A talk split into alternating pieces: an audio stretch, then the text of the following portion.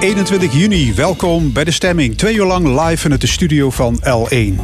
Wat zijn de onderwerpen? In het eerste uur Christian Hoebe van de GGD met een laatste corona-update. Een boek over krimp en groei. Worden de zwakke regio's zwakker en de sterke sterker? En onze wetenschapsanalist Ron Heren over de wonderenwereld van moleculen. Is China een land waar je nog met goed fatsoen zaken mee kunt doen? In de tweede uur een discussie met onder andere Tweede Kamerlid Martijn van Helvert van het CDA. De column van Rezi Kouwmans en het panel discussieert over de actualiteit van afgelopen week. Tot één uur is dit De Stemming.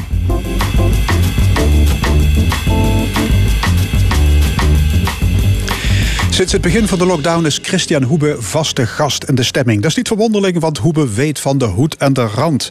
Hij is hoofd infectieziektebestrijding van de GGD Zuid-Limburg, hoogleraar aan de Universiteit Maastricht en lid van het Outbreak Management Team. Meneer Hoebe, welkom. Goedemorgen. Ja, dit wordt uw achtste en voorlopig laatste optreden hier. Was het uh, met genoegen? Ja, het was zeker met genoegen. Het is natuurlijk altijd interessant om uh, enerzijds uh, in zo'n gesprek en ja, zeg maar wat interessante onderwerpen te, te, de revue te laten passeren. Het was altijd actueel, hè? dus ja, we kunnen daar mooi op terugkijken. Vele gesprekken over het corona-onderwerp. Ja, het waren drukke tijden voor u. U moet tropenuren hebben gemaakt. En dan moet je op je vrije zondagmorgen nog naar de radio van de L1. ja, dat is altijd een mix. Ik moet zeggen, het is inderdaad een ongekende tijd geweest tot nu toe met, qua uren. Dat kan ik niet ontkennen. Maar goed, het is ook belangrijk om ja, dingen naar buiten te brengen, hè, publiekelijk te maken, duidelijk dingen uit te leggen. En dat hebben we hier ook gedaan. Ja. Dan de vraag ja, die ik vaker aan u heb gesteld. Hoe staat het met de corona-epidemie in Limburg? Ja, eigenlijk uh, op een uh, dieptepunt voor het virus. Dus heel erg gunstig voor ons. Uh, we zien dat eigenlijk sinds 1 juni hebben we zo'n 8000 testen zeg maar, gedaan bij de GGD in Limburg. En dan zien we dat maar 1% nog positief wordt bevonden. En dat is zelfs als je naar de trend wil kijken, zei dat het heel licht is, zelfs nog naar beneden aan het gaan. Ja, en dat betekent eigenlijk dat we in Limburg steeds minder virus zien rondgaan. Ja, en dat dus het virus is harder weg om uit te doven. Nou ja, dat zou natuurlijk heel mooi zijn. Ik zou het ook uh, onmiddellijk de vlag uithangen als dat zou kunnen. Maar goed, we zien natuurlijk uh, niet alleen in Nederland... Uh, doordat er af en toe brandhaarden zijn... waar je weer ziet dat het toch weer wat opleeft. Ook in de landen om ons heen. Zelfs in een land als China, wat er bovenop zit. Ook in Peking, dat je weer ziet dat daar weer gevallen ontstaan. Dus het echt uitdoven zou fantastisch zijn... maar ik denk niet dat het reëel is. Ja, want, we zullen want wereldwijd dus is het nogal, nogal heftig, hè? Ja, hoewel we in Europa inderdaad eigenlijk op een uh, ja, heel laag niveau uh, van virustransmissie zitten, zien we eigenlijk in de rest van de wereld dat het juist helemaal niet uitdooft. En dan denk ik met name aan uh, Noord-Amerika, maar ook Zuid-Amerika, waar het op dit moment echt enorm om zich heen grijpt. Maar ook bijvoorbeeld aan een land als India, waar het nog enorm toeneemt. Wat is de R op dit moment? Het ja, befaamde de, het, reproductiegetal. Ja, dat klopt. Hè, het besmettingsgetal wat wel genoemd wordt. Nou, dat is eigenlijk best wel een uh, iets lastiger uh, om te zeggen. De modelleurs van het RIVM die kijken daar natuurlijk altijd naar. Maar doordat we zulke lage getallen hebben... is eigenlijk de onzekerheid rondom de schatting van wat de R is... eigenlijk best wel groot geworden. We denken dat die toch ergens rond de 1 ligt... Maar helemaal zeker doen we dat niet, omdat er zo weinig gevallen zijn. Ja, en dat cijfer moet met... onder de 1 blijven, want dan neemt de verspreiding van het virus af. En hoe dichter bij de 0, hoe beter. Dat klopt. We hebben alleen twee dingen daarvoor nodig. Enerzijds is dat waar. Hè? Dus we willen ook eigenlijk dat die altijd onder de 1 blijft. Dus als je bij de 1 in de buurt komt, dan worden we daar toch niet blij van. Toch zien we dat door de maatregelen die we de afgelopen maanden hebben gehad, dat het enorm is gedaald. Hè? Dus dat zeg maar, besmetting heeft een, enerzijds te maken met die R, maar anderzijds natuurlijk met überhaupt de hoeveelheid mensen die geïnfecteerd zijn. En dat aantal is enorm laag.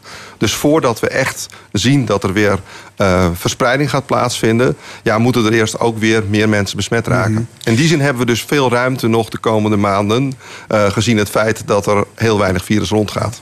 U heeft steeds gehamerd op het navolgen van de regels, met name ja, de anderhalve meter afstand. Ja, maar daar komt steeds meer de klad in. Ja, He, ik, en ik vrees ja. dat, die, dat die versloffing alleen maar groter wordt. Ja, het is to toch zo dat we hè, inderdaad, dankzij die uh, maatregelen is het uiteindelijk gelukt om natuurlijk helemaal tot dit te komen. We zijn het soms misschien al bijna vergeten dat we echt met hele grote aantallen geïnfecteerden in ziekenhuizen op IC's la, uh, te maken hadden. Uh, en als je kijkt nu, dan is dat er bijna niet meer. Nee, kijk naar die dat... grote demonstraties in Rotterdam en Amsterdam. Ja. Niks, niks gebeurt. Dus kan ja, die nou, social is... distancing niet verder worden opgerekt? Nou ja, we hebben nu inderdaad wat meer geluk, omdat dus het virus, wat ik al net zei, niet zoveel rondgaat. Dus kan er eens een keer zo'n dam voorbij komen zonder dat daar grote infecties plaatsvinden. Maar als we dat natuurlijk toch weer veel vaker gaan doen, dan wordt het risico natuurlijk toch weer aanwezig dat daar wel weer verspreiding plaatsvindt. Dus uh, uh, ik snap dat het moeilijk is, maar ja, we zullen toch moeten blijven leven ja. met de situatie zoals die nu is. Het soort nieuwe normaal met die anderhalve meter samenleving, met mondkapjes in de trein. Ja, maar wat ook meespeelt is de willekeur. Sommige regels zijn niet meer uit te leggen. Nee, dat snap ik. Dat is inderdaad absoluut heel erg ingewikkeld. Nou, het is niet helemaal willekeurig. Uh, er zitten altijd gedachten achter. Maar als je inderdaad de ene sector gaat vergelijken met de andere, dan is het soms moeilijk om daar uh, helemaal een lijn in te ontdekken. Ja, ik heb begrepen dat het kabinet aan het Outbreak Management Team heeft gevraagd of de regels versimpeld kunnen worden. Dat kunt u bevestigen? Uh, nou, er is in ieder geval. Uh, zeg maar gevraagd om te kijken hoe, hoe, kunnen we het inderdaad simpeler maken en een duidelijker algemeen kader kunnen we maken. Ja, bijvoorbeeld uh, buiten alle regels afschaffen behalve die anderhalve meter.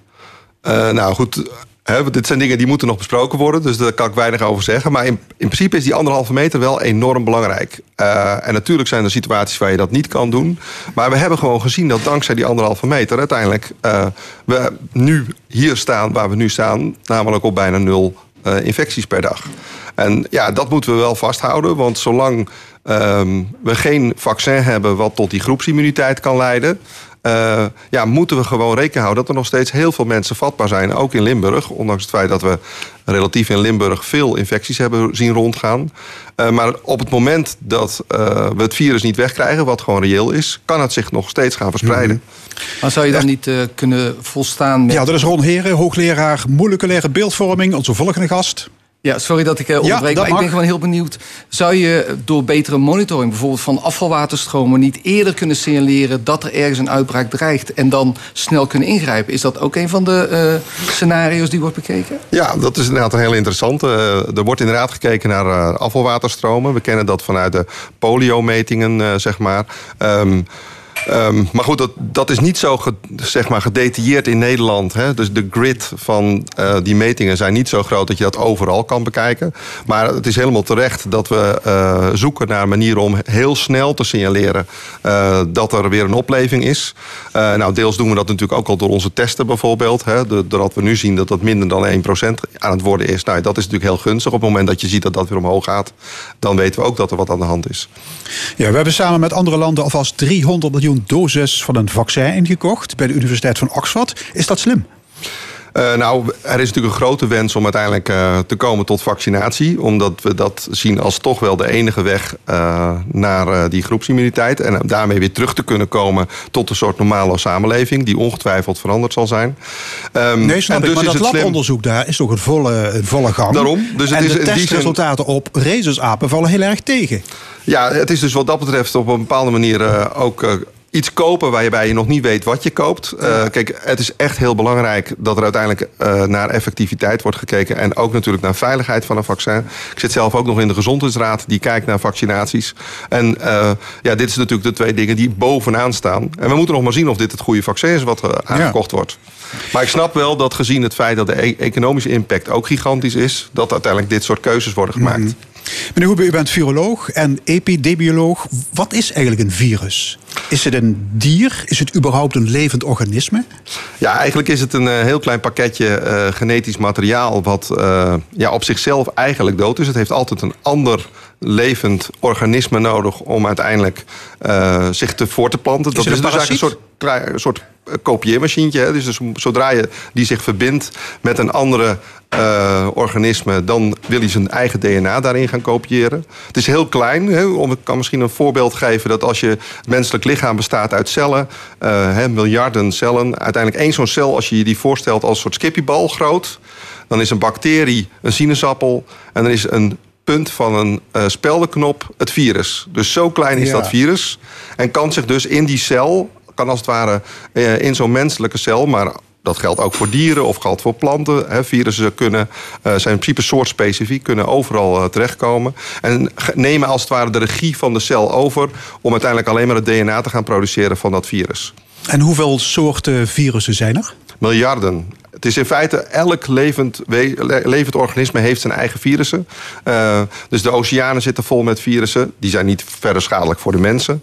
Maar in feite zijn virussen uh, alomtegenwoordig. Ja. Uh, planten hebben virussen. En eigenlijk zorgen virussen ook voor een soort van evenwicht, hè, balans. Op het moment dat één bepaalde diersoort opkomt, dan komt het virus om het ook weer een oh, beetje ze zijn in, ook nuttig. evenwicht.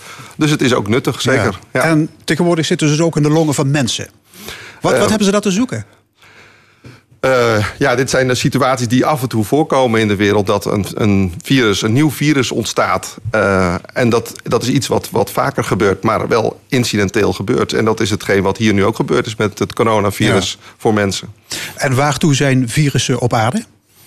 Nou ja, ik denk eigenlijk uh, voor dit soort evenwichten te brengen. Hè? Dus dat betekent op het moment dat je overgroei hebt van van of het nou algen zijn of uh, bepaalde soort zoogdieren, betekent het dat virussen dat komen om ja, het weer een bepaald nieuw evenwicht te brengen. Ja, dit nieuwe virus, het coronavirus, teistert de hele wereld. Uh, kan zich dus ongelooflijk snel vermeerderen. Dus in die zin is het een succesvol virus. Is het ook een intelligent virus? Uh, ja, intelligentie en virus is altijd een beetje ingewikkeld om bij elkaar te brengen. Want ze hebben natuurlijk niet een hersenen of ze hebben geen grote uh, uh, situatie waarin ze dat soort dingen over na kunnen denken. Maar het is wel een virus wat natuurlijk enorm. Um, um, nou, die zin slim is dat het, dat het een heel groot scala aan mogelijkheden heeft om ziekte te veroorzaken. Dus het is niet alleen maar ernstige ziekte, maar het is ook hele milde ziekte. En daarmee heeft het wel een mogelijkheid gecreëerd om heel makkelijk kan makkelijk verspreiden, maar kan daardoor ook onherkenbaar verspreiden. Ja. en dat heeft natuurlijk tot dit enorme succes geleid voor het virus en wat minder succes voor de mensheid. Ja, en weten we veel van virussen af? Hebben we hun geheimen ontrafeld? Ja, uiteindelijk uh, er, er, worden altijd weer nieuwe virussen ontdekt. Maar we weten ook veel van virussen. We kunnen ook snel wel tot sommige dingen doordringen. Dus, uh, maar het is, het is natuurlijk altijd een soort. Als er een nieuw virus ontstaat, weten we natuurlijk van dat nieuwe virus weer niet zoveel. Uh, en dat betekent dat de wetenschap voort gaat om te zorgen dat ze daar steeds meer over te weten komen. Weten we dan ook of zo'n virus uiteindelijk uitdooft? Want we hebben bijvoorbeeld 100 jaar geleden hadden we de Spaanse griep. Dat was mhm. ook een virus dat wereldwijd om zich heen sloeg. Honderden miljoen, 100 miljoen doden misschien wel. Maar op een gegeven moment is dat virus uitgedoofd. Ja, Gaat het nu ook, kan dat nu ook gaan gebeuren? Ja, we denken dat dat uh, in dit geval nog niet zo snel gaat gebeuren. Uh, vanwege het feit dat je ziet dat het niet zomaar uitdooft. Kijk, met SARS bijvoorbeeld was het zo dat met de maatregelen die we namen... uiteindelijk ervoor zorgde dat het virus niet meer verder rondging. Er zijn eigenlijk niet zoveel voorbeelden van situaties... waarin we overigens zo succesvol zijn in dit soort dingen. Het pokkenvirus is bijvoorbeeld zo'n variant... maar verder is het eigenlijk niet, zijn we niet zo succesvol om virussen echt te laten uitdoven. En verwachten we dus eigenlijk ook dat als je een vaccin krijgt... dat dit meer een soort virus gaat worden uh, in de toekomst wat je in de winter ook kunt gaan tegenkomen. Uh, dus uh, echt uitdoven ziet er nu in ieder geval niet gunstig uit. Het gedrag van de mensen is ook, uh, ook anders geworden. Het, we, reizen natuurlijk, we reizen natuurlijk veel meer dan in de tijden van de Spaanse griep. Dus um, ja, ons nieuwe leven, uh, wat we opgebouwd hebben sinds de Spaanse griep, draagt ook bij aan de verspreiding van het virus. Zeker, dus ja. vandaar de anderhalve meter maatregel weer. Zou de mensheid uitgeroeid kunnen worden? Niet door kernwapens, maar door een virus? Ja, dat is niet zo waarschijnlijk. Want wat je ziet eigenlijk met virussen is dat... Uh, kijk, dan zou een virus zichzelf ook uitroeien. En dat doen virussen over het algemeen niet. Hè? Je ziet in feite dat zelfs in gezinnen bijvoorbeeld met dit coronavirus... niet iedereen besmet raakt. Nou, dat is eigenlijk een fenomeen wat je altijd ziet. En in dit virus, hè, we hadden het over die R... die kan je eigenlijk omrekenen naar hoeveel mensen dus inderdaad die groepsimmuniteit moeten hebben. Nou, dat is ongeveer twee derde. Dus dat betekent dat als twee derde van de mensheid dit virus zou hebben gehad op natuurlijke wijze, wat we niet willen, dan zou een derde dat dus niet hebben. Dan gaat het virus toch niet meer rond. Dus dat betekent altijd dat je een groep blijft houden die. Um, ja, die als het ware beschermd wordt doordat anderen het hebben gehad. Uh, dus in die zin uh, hoeven we daar niet echt om te vrezen. Oké. Okay. Christiane Hoebe, hartelijk dank. En tot ergens in de winter als uh, de tweede golf zich aandient. Hè? Want die komt er, hè? Die, de kans dat dat er gaat komen is zeer waarschijnlijk. Of dat we dat moeten wachten tot de winter daarvoor, dat gaan we nog zien. Dank u wel. Zometeen in de stemming wetenschapper Ron Heren over de nieuwe ontwikkelingen in het onderzoek naar moleculen. Maar eerst Jason Mraz, 93 Million Miles.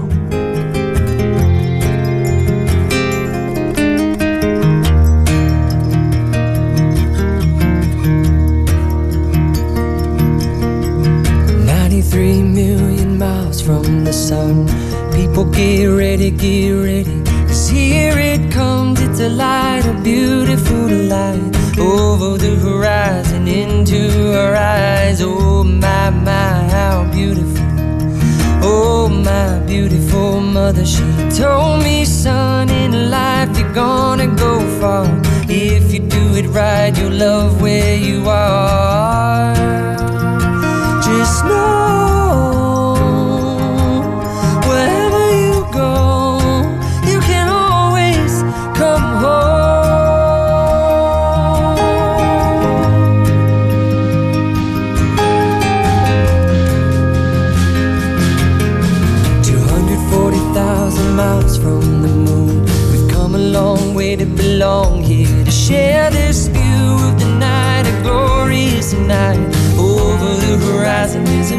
Bright sky. Oh my, my, how beautiful.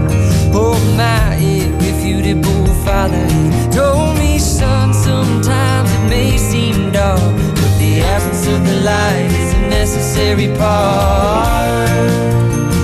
Just know.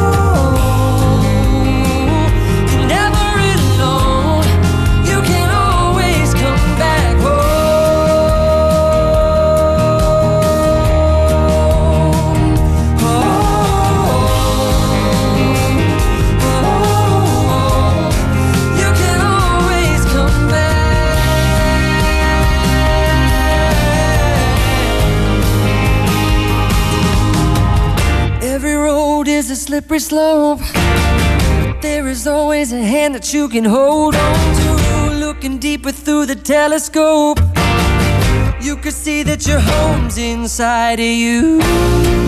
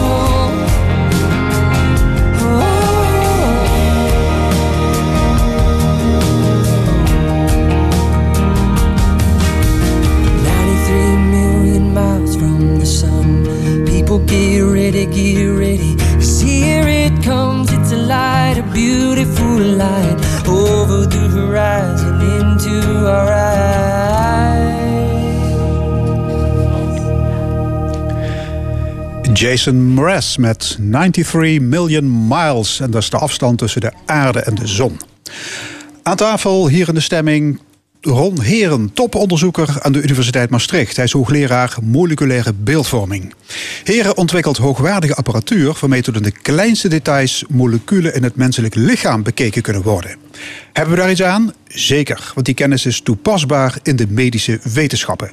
Onze volgende gast, natuurkundige Ron Heren. Ja, welkom. Dankjewel. Uh, u houdt zich bezig met massaspectrometrie.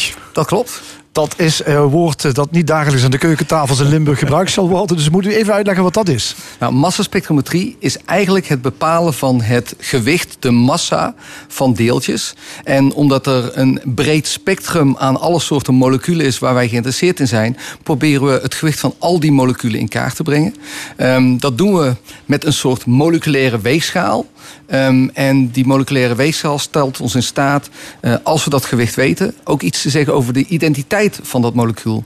En de identiteit van dat molecuul kan bijvoorbeeld verschil maken tussen een ziekteverwekker of een voedingsmiddel, een plastic of een stukje hout. En met massaspectrometrie kunnen we op basis van gewicht die verschillen precies in kaart brengen. Ja, je moet dus de moleculen moet je gaan wegen. Ja, ja. letterlijk.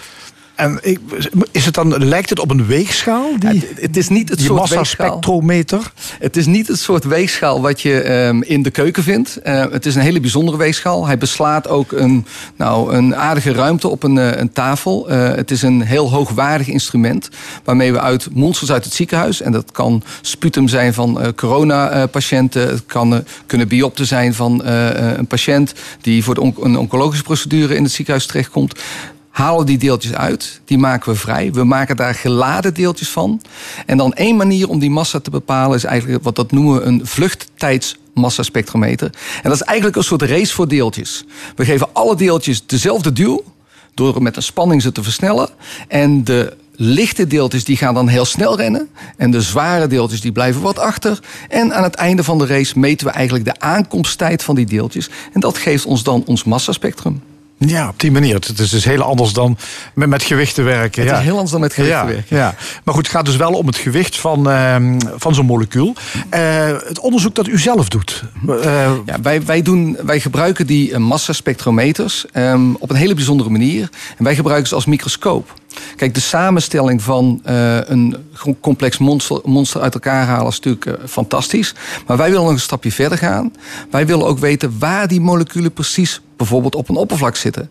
En de oppervlaktes waar wij uh, bij de UM en het MMC erg geïnteresseerd in zijn, zijn weefselkoepels. Dus wat wij met deze moleculaire camera's, zo je wilt, proberen te doen, is de verdeling van moleculen in een cel of rond de cel te bekijken. Jullie fotograferen dus in feite ja, dus letterlijk die, dat. Die moleculen. We maken moleculaire foto's. En het bijzondere aan onze techniek is dat we niet een foto maken van één enkel molecuul. Maar we fotograferen in één experiment letterlijk duizenden moleculen tegelijkertijd. Zo kunnen we bijvoorbeeld zien uh, als er een cel ontspoord is op zeggen, metaboolniveau, dat de kleine moleculen in de cel die de energiehuishouding regelen, uh, dat daar iets misgaat, terwijl de omliggende cellen nog prima in orde zijn. En dat maakt dit soort technologie ook heel breed toepasbaar in de, in de medische zorg. Ja, want dit is, niet, dus dit is niet louter fundamenteel wetenschappelijk onderzoek. Hier kun je ook iets mee. Ja, ja, het is, en dat is het bijzondere wat we hier nu aan de UM doen. Hè, die moleculaire fototoestellen, die moleculaire fotografie. We doen daar fundamenteel onderzoek aan. Dus we kijken ja, hoe zitten die moleculen nu in elkaar? Hoe zitten ze in de cel? Hoe zitten de cellen in een stukje weefsel? Maar ook hoe gedraagt dat weefsel zich in die patiënt? Dus fundamenteel instrumentatieonderzoek. Dus we bouwen echt nieuwe apparatuur waarvoor we allerlei nieuwe mensen nodig hebben. En we passen dat toe in de, bijvoorbeeld de patiëntendiagnostiek. Ja, en wel, welke ziekten uh, moet ik me daar voorstellen? Kun je hiermee vooruit? Ja, we doen heel veel in de oncologie. Uh, u kunt zich voorstellen op het moment dat een chirurg een tumor verwijdert, uh, dan willen we heel graag weten hoe schoon is, zijn de randen van die tumor. Zitten daar nog tumorcellen in? Op dit moment gaat er dan een plakje naar een patholoog en die kijkt dan op basis van de vorm van de cellen of die of daar ontspoorde cellen in zitten. Mm. Het probleem of alles, is of je alles of weg hebt gehaald, hè, alles wat schadelijk is. Ja. Of de, wat dat doen ze dan, of de marge negatief is, dat er geen ja. in, in de rand die de chirurg heeft weggesneden zit. Het probleem is alleen, die patiënt ligt nog open op de tafel. Dus de patholoog kan alleen maar met een hele snelle kleuring uh, kijken uh, wat de vorm van die cellen is. En wij kunnen dat in dezelfde tijd alle moleculen in kaart brengen en daardoor veel gedetailleerder, veel preciezer meten of die randen van die tumor schoon is. En dat ook weer aan de chirurg uh, terugkoppelen. Dus dat is een van de voorbeelden die wij, uh, die wij in Maastricht najagen. Ja. Is, uh, hoe bijzonder is dat, dat dit onderzoek hier in Maastricht plaatsvindt? Ja, dat is ongelooflijk bijzonder. Um, om meerdere redenen. Uh, A is de infrastructuur die hier de afgelopen vijf jaar uh, gerealiseerd is. Die kent zijn weerga in de wereld niet. Uh, mensen komen vanuit Harvard, vanuit Stanford, vanuit Amsterdam hier naartoe om dit soort onderzoek te doen. En daarnaast wat heel erg bijzonder is, is dat dit deze infrastructuur ook echt klinisch ingebed is. Dus het is voor ons heel makkelijk om met onze klinische collega's de vertaalslag te maken van dat fundamenteel instrumentatieonderzoek naar de echte patiëntenzorg. Ja, um, ja hele unieke infrastructuur. Speelt daarbij ook mee dat Maastricht niet een enorm grote universiteit is? Dat de, de lijntjes wat makkelijker zijn? Want u moet inderdaad meteen klinisch uh, terecht kunnen, zou ik maar zeggen, met u. Ja, dat, nou, dat klopt. Maastricht is een stuk dynamischer. We hebben ervoor gezorgd in het instituut dat we een juiste mix van mensen uh, in het instituut bij elkaar hebben gebracht. En we noemen dat uh, interdisciplinair. We willen dus echt dat die kennis over de grenzen van alle disciplines heen vloeit. Um, en Maastricht, de dynamiek van zo'n jonge universiteit als Maastricht, maakt dat veel makkelijker. Um, als ik kijk naar universiteiten waar ik ook veel mee geïnteracteerd heb, in Amsterdam, in Leiden, Rotterdam. Dat zijn over het algemeen wat, wat uh, traditionelere universiteiten die al wat meer tradities hebben. En daar is het net even wat lastiger om die brug te slaan tussen fundamenteel onderzoek en, en klinisch onderzoek. Daar staan toch wat muurtjes omheen? Daar staan wat muurtjes omheen. Het is ook een stuk uh, mindset van, uh, van onderzoekers uh, om dat te willen. Want je moet een stukje van jezelf opgeven om het leven en het onderzoek van iemand anders beter te maken. Mijn persoonlijke mening is dat omdat dit allemaal met publiek geld gefinancierd is, dat is onze plicht. Dat moeten wij ook doen. Zo zou wetenschap moeten werken. Ja. De Universiteit Maastricht is ooit begonnen mm, eh, als een faculteit geneeskunde. Daar kwam op een gegeven moment rechten, daar kwam uh, economie nog bij. Maar wat ik nu u hoor vertellen, en u zegt ook Maastricht is daar behoorlijk uniek in, dat is eigenlijk toch een verschuiving richting meer de techniek. Ja, dat klopt. Klopt dat? Ja? Dat klopt, uh, absoluut. Ja, wat we zien is dat de afgelopen vijf jaar Maastricht zich veel meer, de Universiteit Maastricht zich veel meer is gaan richten op science en engineering en technologie. Uh, we hebben inmiddels ook een Faculty of Science and Engineering, waarbij we natuurkundeonderwijs, scheikundeonderwijs en biologieonderwijs uh, geven. En niet alleen dat, daar passen we ook het onderzoek op aan. Dat betekent dus dat we hier nu een nieuw soort studenten aan het opleiden is. Naast de klassieke geneeskundestudenten. Uh, die ook zich op het gebied van STEM, uh, Science, Technology, Engineering, Materials, zich, uh, zich richt. Dus echte techneuten. We zijn bijna een, een soort technische algemene universiteit aan het worden. Ja. Hoe, hoe belangrijk is dat, dat? Dat Maastricht en misschien ook voor, voor de regio. Is, is hier behoefte aan hier? Ja, er is een enorme behoefte aan. Ook als ik naar ons eigen instituut kijk hebben een eigen behoefte om dat soort uh, ja. masterstudenten te halen. Dus uw eigen behoefte, dat begrijp ik, ja, ja. Maar ook de bedrijven waarmee wij samenwerken, die vragen ons regelmatig: hebben jullie nog mensen? Mensen die juist in die breedte opgeleid zijn, die niet alleen puur de natuurkunde ingedoken zijn of puur de scheikunde ingedoken zijn, maar juist die zo over de grenzen van die disciplines kunnen denken. En daarom is zo'n science faculty, waar in de breedte van de wetenschap, het vroege Maastricht Science programma, uh, dat dat zo ontzettend goed werkt. Die bedrijven bedrijven die laten nieuwe techniek ontwikkelen. De ASML's, de Philipsen, maar ook uh, de, de massaspectrometers... die gebruikt worden onder andere om naar die, die afvalwaterstromen te kijken. Die hebben behoefte aan mensen die niet alleen een apparaat kunnen gebruiken... maar het ook kunnen verbeteren kunnen wijzigen en nieuwe apparaten, nieuwe technieken kunnen bedenken. Dus die innovatiekracht van de hele regio drijft eigenlijk op de beschikbaarheid van dat soort breed opgeleide studenten. Ja. En, en daarvoor is deze regio natuurlijk bij uitstek goed gepositioneerd. De EU-regio met de RWTH in de buurt, met de Universiteit van Luik, Leuven, Hasselt. En de Universiteit van Maastricht heeft daar ook allerlei strategische allianties uh, afgesloten om dat juist mogelijk te maken. Ja, ik moet ook denken aan al de campussen natuurlijk die we hebben, de Brightland campussen. Precies. Ja, de Brightlands campus speelt, dat is natuurlijk het instrument om dat uh, te realiseren. Um, op de Brightlands campus de, het motto is knowledge crossing borders. En je hoorde mij net al zeggen, ja, de kennis moet over de grenzen van die disciplines heen gaan.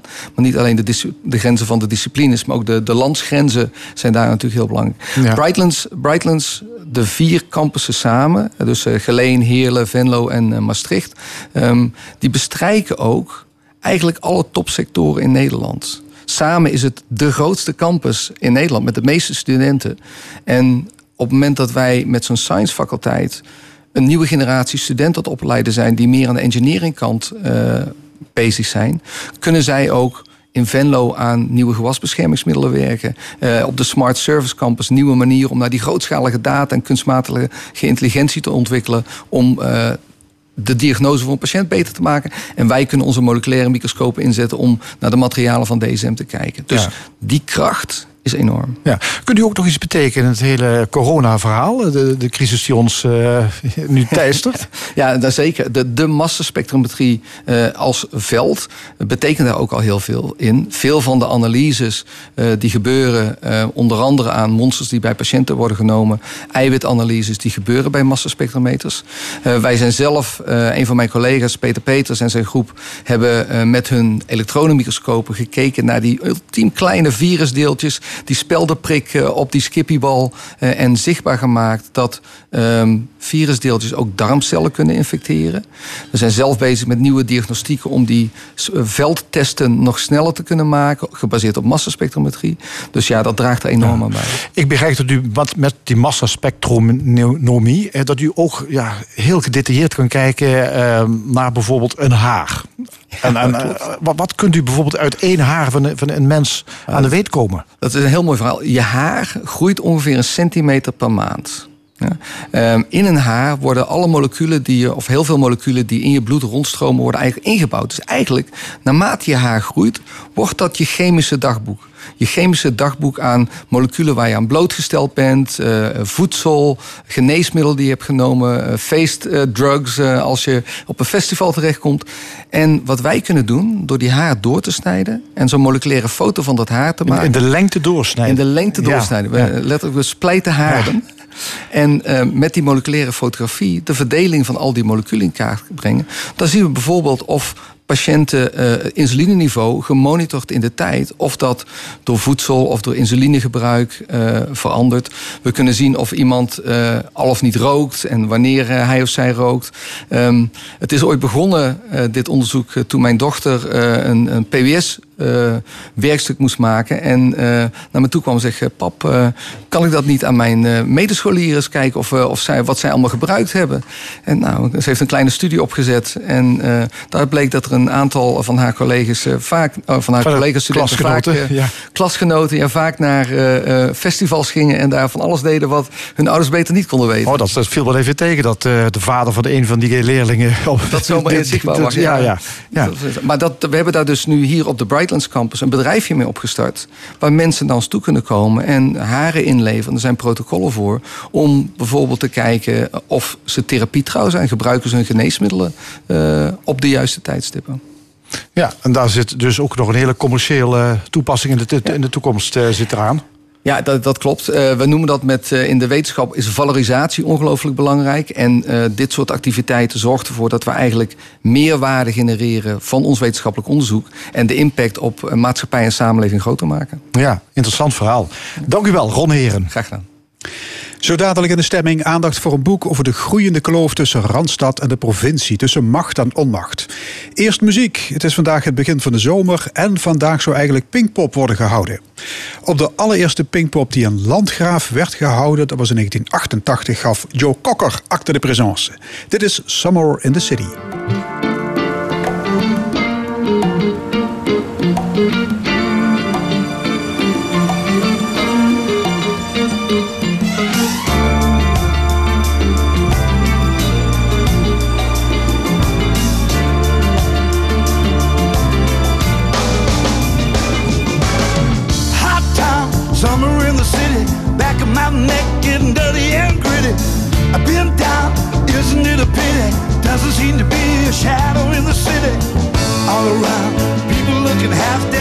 Walking on the sidewalk, hotter than a match head. But at night, it's a different world. Go out and find a girl. Come on, come on, and dance all night. Despite the heat, it will be alright. And baby, don't you know it's a pity the days can be like the night in the summer, in the city,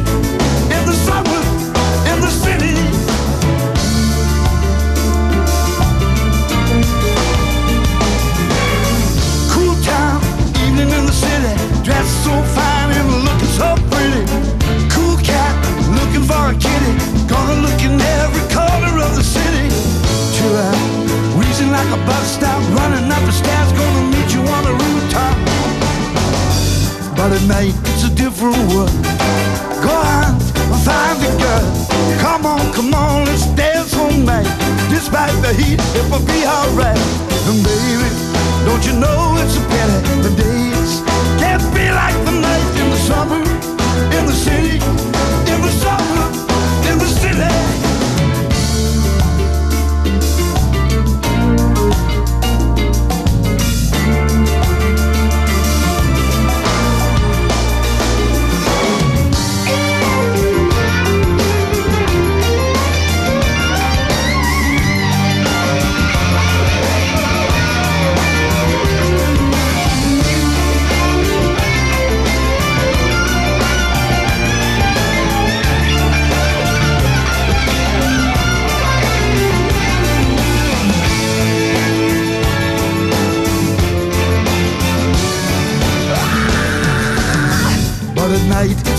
different world. Go on, find the girl. Come on, come on, dance all night. Despite the heat, it will be alright.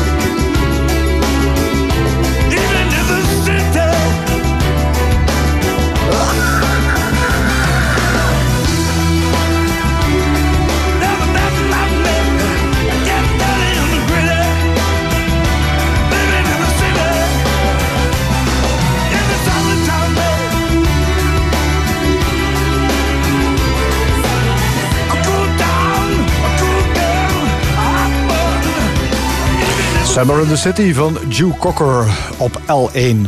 U luistert naar De Stemming. De welvaart in ons land is ongelijk verdeeld. De Randstad is een economische topregio met snel groeiende clusters van kennis en banen, maar in de provincie is er aanmerkelijk minder economisch succes. Daar liggen de banen niet voor het oprapen, is het percentage hoog opgeleide karig en de bevolkingskrimp maakt het er allemaal niet beter op. Floor Milikowski schreef er een boek over. Een klein land met verre uithoeken. Haar conclusie: de polder verandert in een mozaïek van winnaars en verliezers. We hebben verbinding met de schrijfster en hier in de studio naast ons zit onderzoeker Maurice Hermans. Floor, je bent eh, journalist en geograaf. Hoe kwam je op het idee voor dit boek? Um, nou, ik ben al uh, sinds 2011, geloof ik, bezig voor de Groene Amsterdammer. Um, om uh, over dit onderwerp te schrijven. Dus ik heb, ben, ben inderdaad in Noordoost-Groningen geweest. En inderdaad in Limburg en in heel veel plekken in het land. En tegelijkertijd heb ik ook heel veel geschreven over Amsterdam. En de groei van, van de stad, het succes van de stad. En ik vond het heel interessant, opmerkelijk en ook wel pijnlijk en schrijnend soms. Om te zien hoe groot die verschillen aan het worden waren.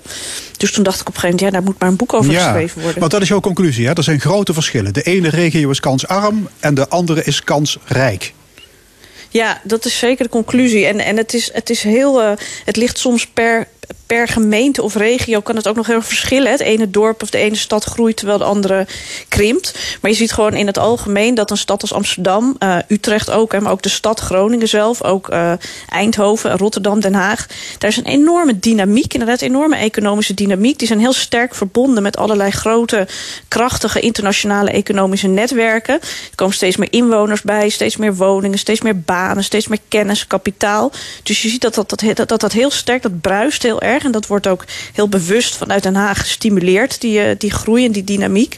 Maar tegelijkertijd zie je dat in andere delen van het land dat bewoners wegtrekken. Vaak hoogopgeleide mensen trekken weg. Mensen met, uh, met veel kapitaal in brede zin. Het hoeft niet alleen om geld te gaan, maar ook kennis en een netwerk. En uh, nou ja, die, die weten hoe de weg te vinden, zal ik maar zeggen, in de samenleving. Dus je ziet dat, het, dat, dat kansrijk trekt heel erg naar een paar plekken toe. En, en veel kansarmen blijven juist achter in andere delen van het land. Ja, en die gebieden die zijn kansarm omdat er heel veel industrie is verdwenen. Hè? De jaren 50, 60, 70, de textiel in Limburg, de mijnen, de metaal, strookkarton, allemaal weg. En die werkgelegenheid in de regio is bij lange na niet gecompenseerd?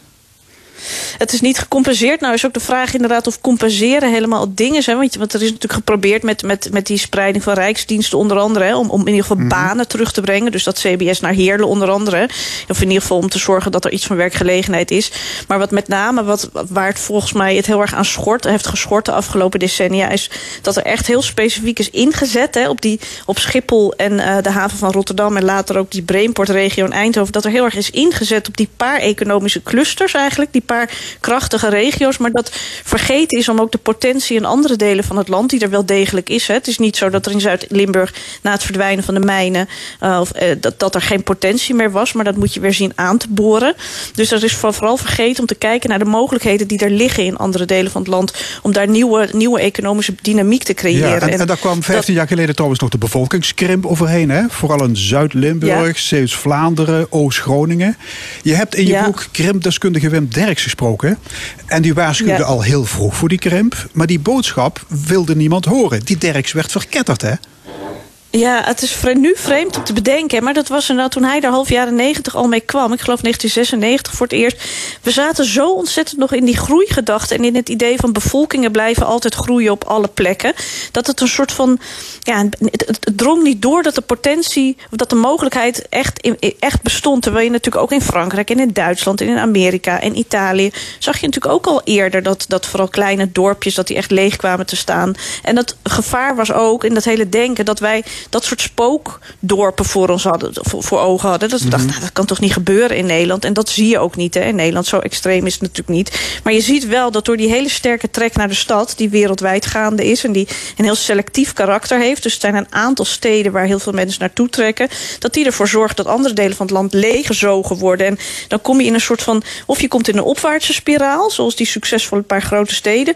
Of je komt in een neerwaartse spiraal, waar inderdaad steeds meer wegtrekt. En dat versterkt elkaar alleen maar. Want als mensen weggaan, gaan bedrijven weg. Dan gaan nog meer mensen weg. Dan gaan voorzieningen weg. Dan gaan nog meer mensen weg. Dan krijg je verpaupering, verloedering, leegstand. Gaan er weer mensen weg. Dus het is heel belangrijk. En dat, ik vind ook wel dat dat in Nederland relatief goed lukt hoor. Om dat tij enigszins te keren. Om niet inderdaad zo'n extreme mate van verval te laten ontstaan. Hier in de studio... het is wel. Het, ik, ja, ik, ik onderbreek nee, je even. Verder. Maurice Hermans zit hier, onderzoeker bij Nijmet in Heerlen... het kenniscentrum voor bevolkingsdaling en beleid. Maurice, was krimp inderdaad een taboe onderwerp? Ja, dat was uh, zeker toen Wim Derks zijn, zijn rapport publiceerde... was dat natuurlijk iets wat bestuurders liever niet horen. Want je, je hoort niet, uh, liever niet dat er leegstand is... en dat er minder mensen in jouw stad wonen. En tegelijkertijd denk ik, als je het vergelijkt met bijvoorbeeld Duitsland... dat Nederland wel heel snel een inhaalslag gemaakt heeft... En daar met een zeker pragmatisme en voortvarendheid toch mee aan de slag is gegaan. Dus dat taboe is ook eigenlijk vrij snel weer eh, omgezet in... oké, we moeten daar mee aan de slag. Ja, het heeft, het heeft wel even geduurd. Hè? Ik geloof dat staatssecretaris Van der Laan... die bracht pas in 2009 een bezoek aan Kerkrade. Ja. Kwam daar een tikkeltje depressief van terug. Ja. Dat weet je nog. Klopt. Ja, dat was op product. En dat was natuurlijk ook iets wat media heel goed oppikte met een foto van dichtgetimmerde panden. Dus dat werkte natuurlijk heel goed. Uh, uh, van der Laan met zijn uitspraak inderdaad. Van, maar hij zei eigenlijk, als hier niks verandert, dan, dan, dan word ik hier depressief van. Nou, als je dat dan zeg maar met chocoladeletters en, en foto van dicht, dichtgespijkerde ramen van eigenlijk woningen die toch gesloopt moesten worden. Dus uh, het was ook wel vervolgens iets waar de media dan uh, iets van maken... wat misschien groter is en minder genuanceerd dan zoals hij het bedoelde. Maar hij heeft het wel echt geagendeerd. En vervolgens heeft de provincie Limburg heeft dat ook wel omgezet... en is daar ook uh, mee aan de slag gegaan. Ja, precies. Want de overheid heeft dus een verantwoordelijkheid genomen... en die krimpgebieden financieel ondersteunt. Wat is de stand van zaken rond krimp in Limburg nu? Um, de krimp vlakt, vlakt wat af. Dat heeft te maken met, uh, met, de, met de influx van, uh, van seizoensarbeiders, met name uit Oost-Europa, die zich dan vervolgens ook permanent vestigen hier. Dat zie je in Noord-Limburg, Midden-Limburg uh, sterk. In Zuid-Limburg stabiliseert het ook iets. Dus het is niet zo erg als dat voorspeld was. Uh, ik heb dan zelf nog even naar Parkstad gekeken. Uh, is ook weer wat gegroeid afgelopen jaar. Daar is dan de corona misschien weer een, een effect op. Maar je ziet wel, en dat geldt natuurlijk ook binnen Zuid-Limburg... dat geldt binnen Parkstad, dat Heerlen ook een beetje cannibaliseert op zijn regio. Dat zie je natuurlijk in feite overal. Dat zie je in Groningen. Dat zie je ook met de Randstad en Randland. dat zie je ook met Berlijn en het omland. Dus je ziet steeds dat dat de centra uh, ook, ook hun omgeving een beetje. Uh, ja, cannibaliseren is misschien een groot woord, maar, maar zij zorgen wel van een soort magneet. En dat doet Heerlen op zijn eigen manier en het park staat ook. Dus je ziet dat met name jonge mensen uit de omliggende gemeentes naar Heerlen uh, trekken. Ik ga weer even naar Floor. Uh, het was altijd beleid om economisch zwakke regio's te steunen. En dat is in 1982 is dat veranderd. Hè? Want het kabinet Lubbers dacht in kansen in plaats van in zwakte. Uh, wat waren ook alweer de gevleugelde woorden van Wagner, de grote man van Shell? Ja, dat was don't back the losers, but pick the winners, was dat. En we hadden inderdaad in de decennia na de Tweede Wereldoorlog... is er heel bewust ingezet op het spreiden van economische kansen. Um, dus enerzijds de Randstad, die, die natuurlijk die, die vanzelf wel zijn ding deed... maar daarnaast is er heel bewust ingezet inderdaad op, op dat uh, het delen van Drenthe... het noordoosten van Groningen. Ook inderdaad in Limburg is er veel werk van gemaakt om daar, uh, nou, dat te stimuleren. Ja, en toen ging het um, geld naar de plekken met de meeste banen... waar het meeste geld precies, was Precies, ja, je zag die globalisering de, de, economie globaliseerde heel snel. En je zag dat fabrieken inderdaad, die, die verplaatsten naar, uh, naar lage lonenlanden heel veel. Dus die sloten in Nederland. En de westers, in de hele westerse wereld, dus ook in Nederland... veranderde die industriële economie eigenlijk in een diensten... en later een, een kenniseconomie. Um, en daarin, in die kenniseconomie, die diensteconomie... was het heel belangrijk voor ieder land um, om met elkaar te concurreren. Omdat al die handelsbarrières internationaal werden opgeheven. Grenzen verdwenen, zeker binnen Europa ook. Hè. Dus ineens moest Nederland uh, niet meer, uh, moesten regio's onderling niet met elkaar concurreren, maar moesten regio's en, en het land zelf concurreren met, met, met Frankrijk, met Engeland, met Duitsland, maar ook met Singapore en met China en met eigenlijk alle landen ter wereld. En het werd steeds belangrijker daardoor voor ieder land om je eigen kansen, je eigen kracht en je eigen potentie te gaan, uh, te gaan uitvinden, te gaan zoeken en daar echt op in te zetten om je eigen e economie concurrerend te maken. Dat is dat hele neoliberale economische denken, is dat wat, wat overal in de wereld. Met, met Thatcher in Engeland en met uh, Reagan natuurlijk in Amerika. Dus iedereen ging mee daarin en iedereen moest tegenover elkaar gaan staan. En dat betekende dat Uh, voor Nederland kreeg Gerrit Wagner, inderdaad voormalig CEO van Shell... die kreeg de opdracht om te gaan kijken waar nou die kansen voor de Nederlandse economie lagen. En een van de dingen inderdaad die hij zei was... don't back the losers, but pick the winners. Dus zet je, zet je energie, je aandacht, je geld niet meer op het ondersteunen van de zwakke delen van het land... maar zet ze op het versterken van de kracht die je hebt. dus op het versterken van de meest kansrijke delen en sectoren. Ja, je kunt zeggen dat stad en omgeving... die werden gezien als de economische motor van de BV Nederland. Maar het kan toch niet de bedoeling zijn om de provincie te laten verpauperen. Om alle kaarten te zetten op, op de stad en de rest van het land in zijn sop te laten gaakhoeken.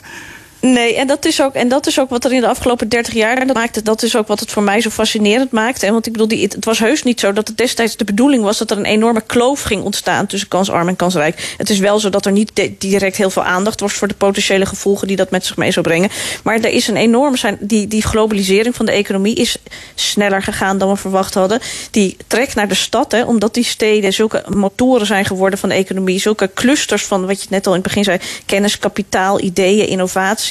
Dus die, die groei van, die, van een aantal grote steden is eigenlijk sneller gegaan dan we hadden gedacht. Mhm. De dominantie van de, een aantal van die grote internationale economische netwerken is sneller gegaan dan gedacht. Daarnaast komt natuurlijk allerlei belastinghervormingen en uh, nou vermogenstoestanden, waardoor sowieso uh, rijken rijker zijn geworden en armen uh, minder rijk zijn geworden. Dus dat is een combinatie van factoren die ervoor heeft gezorgd dat die beleidskeuzes van het begin van de jaren 80, dus inzetten op kansrijk en niet meer op kansarm, dat die nu voor een veel grotere kloof, welvaartsverschillen hebben gezorgd dan destijds verwacht werd. Maar dat betekent wel dat je nu, nu je dat dus ziet, dat je ervoor moet gaan eh, of over moet nadenken hoe je die verschillen weer kan verkleinen. De polder is veranderd in wat jij noemt een mozaïek van winnaars en verliezers. En dat verklaart ook de titel van je boek: Een klein land met verre uithoeken.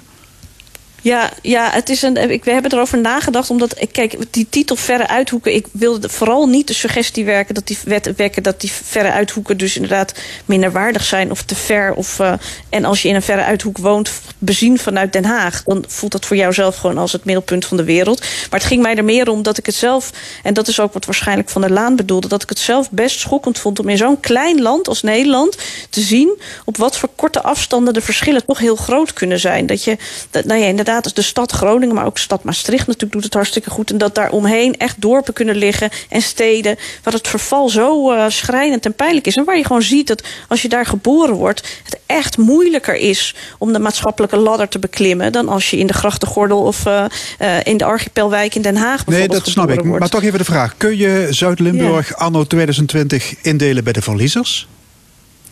Ja, nou, dat, ja, zeker, zeker, zeker. En, en, en wat, ik bedoel, je ziet natuurlijk heel erg dat daar die bevolkingsdaling, dat, dat na het sluiten van de mijnen en ook uh, uh, na eigenlijk het verval van het Europese ideaal, waarmee Maastricht nog zich heel uh, centraal profileerde en heel krachtig was. Maar dat sluiten van die mijnen is er eigenlijk weinig echt voor in de plaats gekomen dat die regio echt draagt. Hè? Ik, natuurlijk nee, okay, met die Gemelot-campus gaat hartstikke goed. Die, die steenkolenmijnen zijn al 50 jaar dicht. Ja, ja, en er is in die 50 jaar natuurlijk het, het, nodige opgebouwd hier. Hè. Er zijn kenniscampussen, we hebben, we hebben het er net over gehad. We hebben Netcar, ja. we hebben Sabiek, de Universiteit Maastricht, de Open Universiteit, Zuidhogeschool, ja. heel even een maankwartier. Op het gebied van kunst en cultuur gebeurt er een heleboel.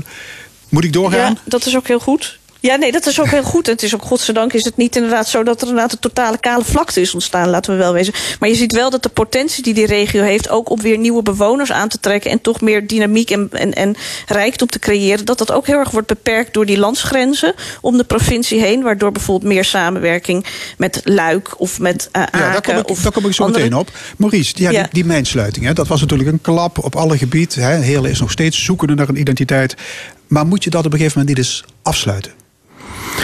Nou ja, dan moet je zeker afsluiten in de zin dat je, dat je niet steeds moet terugkijken en, en daarop moet, moet terugvallen.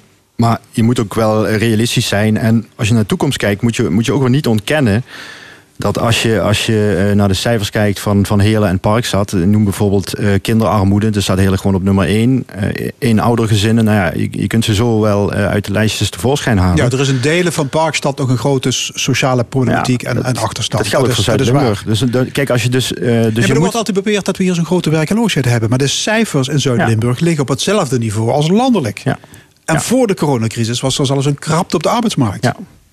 Nee, de, dus zo beroerd gaat het hier toch niet? Nee, ik denk ook niet dat het uh, beroerd gaat. Ik denk wel dat, dat, uh, dat Zuid-Limburg wel een soort van uh, onbenut potentieel heeft.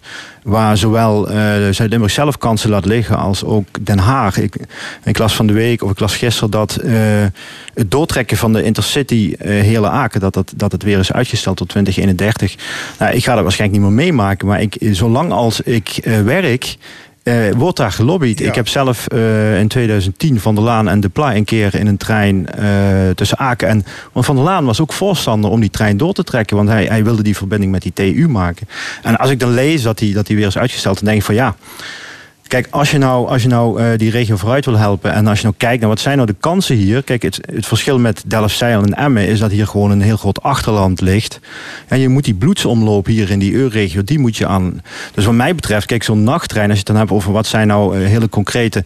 Ja, laat gewoon in godsnaam een nachttrein tussen Aken en Heerlen uh, rijden. En laat die drie landentrein tussen Luik, Maastricht, Heerlen en Aken, nou dat zijn eigenlijk helemaal niet zo'n ingewikkelde, maar blijkbaar toch heel moeilijk. En kijk, Den Haag zou daar gewoon echt voor moeten staan. Als zij zeggen van oké, we willen toch wat minder die, die focus op Randstad. En ja, als je Zuid-Limburg wil vooruit hebben, dan moet je daar gewoon voor gaan staan mhm. en zeggen dat gaan we gewoon doen.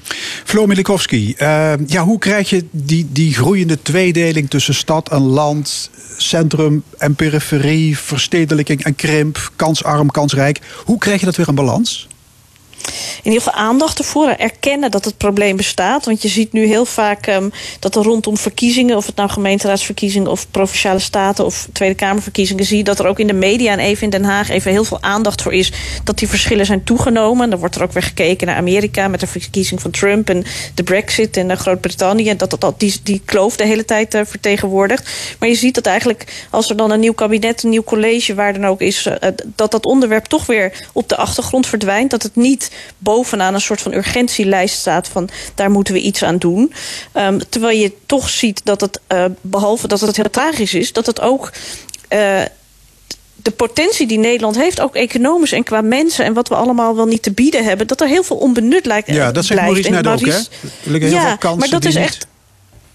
Maar dat is heel tragisch, hè? want inderdaad, het, het, het, zoals er gelobbyd wordt voor de trein tussen Amsterdam en Londen of tussen Amsterdam en Berlijn, waarom is er niet evenveel lobby inderdaad voor die trein naar Aken vanuit Limburg? Want het is voor Limburg net zo belangrijk dat die, die trein er komt als het voor de Randstad is dat die trein naar Londen er komt. En inderdaad, de brug uh, in Noordoost-Groningen naar Duitsland uh, bij de Eems, die, uh, die al een tijdje stuk is en waar niet aan gewerkt wordt. Dat zit hem vaak, um, en dat is niet het hele verhaal, maar die verbindingen, ook een verbinding naar via Arnhem naar Duitsland, naar, naar de Randstad, die er ooit zou komen, die er nooit gekomen is. Het zit, verbindingen kunnen heel veel doen. Bereikbaarheid is cruciaal voor economische ontwikkelingen. Maurice noemde het een bloedsomloop. Dat is het ook echt. Een economie uh, ontwikkelt zich altijd langs cruciale verbindingen. Dat is ook van alle tijden. Handelsroutes zijn altijd bepalend geweest voor, voor de groei van steden en, uh, en dorpen daar, daaromheen. Dus daar moet echt weer echt aandacht voor komen. En tegelijkertijd moet er weer worden gekeken naar ja, hoe kan je heel welvaart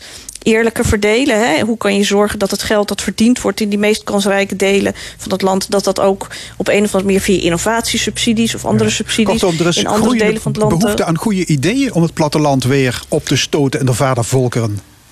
Ja, dat klopt. En, en er is wel ja, verbeelding. Floris Alkemade heeft er ook een heel mooi boek net over geschreven.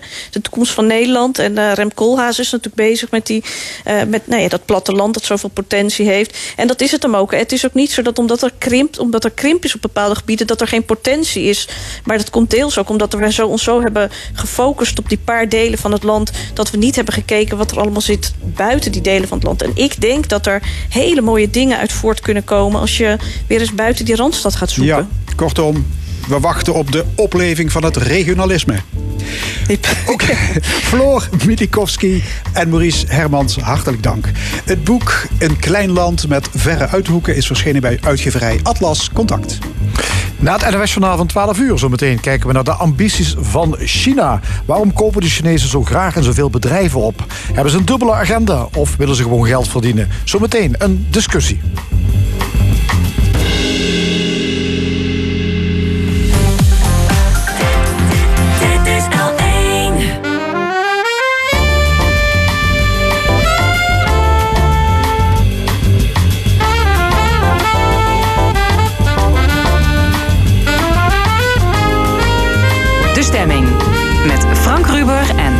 Geraerts. Opnieuw welkom bij De Stemming en wat nog allemaal in de tweede en laatste uur. Straks discussieert het panel met Terza Hoebe, Cor Bosman en Loek Hustings... over de actualiteit van de afgelopen week. Een column van Rezi Kouwmans, maar eerst China. De Chinezen hebben een dubbele agenda. Ze zijn bezig om de halve wereld op te kopen om hun eigen macht uit te breiden. Dat zegt het Limburgse CDA Tweede Kamerlid Martijn van Helvert. Hij wijst ook op de vele schendingen van mensenrechten in China. Kunnen we met zo'n land, zo vraagt hij zich af, nog met goed fatsoen zaken doen? En moeten de talrijke vriendschapsbanden tussen Limburgse en Chinese gemeenten niet in de revisie? Buitenlandspecialist Martijn van Helvert is onze volgende gast. Ook aan tafel economie-gedeputeerde Joost van den Akker en voormalig China-correspondent voor de Volkskrant Hans Moleman. Welkom alle drie. Um, ja, Martijn van Helvert in Sittard staat een uh, oud gebouw, het Frans Klooster. Uh, dat ligt er uh, vervallen bij nu op dit moment. En iedereen is eigenlijk blij dat er een Chinese investeerder is die heeft plannen om dat gebouw te veranderen in een gezondheids- en cultuurcentrum. Hoe kijkt u naar die plannen? Ja, het is onderdeel van het ziekenhuis waar ik geboren ben. Dus ik uh, volg het op de voet. Het ziekenhuis zelf staat er niet meer, maar het uh, Frans Klooster wel. Met ook prachtige brandschilderde ramen. Uh, nou, iedereen was inderdaad blij dat het opgekocht was. Maar het wordt steeds uitgesteld. Ook na de zorg die ik geuit had in de, in de krant is het alweer uitgesteld. Voorlopig zal er nog niets aan het klooster gebeuren. waardoor de Chinese investeerder ook onbereikbaar blijft voor iedereen. We zien, het, uh, we zien er verder, verder niets van. Op zich is natuurlijk met zo'n individueel uh, uh, ding niks mis. Hè? Een, een, Chinees die investeert, we hebben een Amerikaan die investeert, we hebben een Hongaar die investeert, een Canadees. Dat maakt eigenlijk allemaal helemaal niet uit. Dat vinden we juist fijn. Het verschil met China is wel dat de overheid bij grotere bedrijven gewoon in de boord aan tafel zit. En heel bewust delen meer en meer opkoopt om steeds meer en meer te zeggen te krijgen. En regionale overheden zoals provincies en gemeentes ja, die, zijn, die kunnen dat ook haast niet overzien. Ik denk dat dat ook te groot is. En dus ik vind, en ik heb ook gezegd tegen de minister van Buitenlandse Zaken, dat ik vind dat uh, de Rijksoverheid, en zelfs in Europa gekeken moet worden, dat we dit niet verder toestaan. Omdat anders zonder dat we het zelf in de gaten hebben, steeds meer van ons land overkopen. En de Chinezen via allerlei manieren uh, invloed geven op plekken waar we dat niet willen. Ja, Hans dat... Moleman, is dat, uh, zien we dat meer uh, in Limburg, in Nederland, in Europa, die investeringsdrift van de Chinezen? Nou, ik heb zelf uh, vorig uh, anderhalf jaar geleden een, uh, een, een, project gedaan over de investeringen van de Chinese staat, staatsbedrijven in, in Piraeus. Um, de, de havenstad van, van, van Griekenland. Um, en daar zag je duidelijk dat de BV China, zoals ik het altijd noem, naar binnen rolde en gebruik maakte van uh, zwakke lokale bedrijven, van een wankelende overheid die op zoek was naar investeringen en van een, uh, een Europese overheid die nog niet goed oplette. Wat gebeurde er? De, een van de strategische havens van Europa werd uh, eigenlijk verkocht aan een Chinees staatsbedrijf. Nou, dat zouden de Chinezen zelf nooit doen. Ik zeg altijd, je moet wederkerigheid toepassen in, in, in de relaties. En dus als wij een Chinese haven mogen, op, mogen opkopen, dan mogen Chinezen ook hier een haven opkopen. Nou, zolang dat niet het geval is, moet je het niet doen. Dat is een heel goed voorbeeld van hoe het fout gegaan is de afgelopen jaren in Limburg valt het tot dusverre mee. Maar dat komt vooral omdat uh, de, uh, de Chinese delegaties die hier geweest zijn... eigenlijk uh, ja, veel rondgekeken hebben, maar weinig zaken hebben gedaan. Er is één Maastrichtse start-up die is verkocht aan een...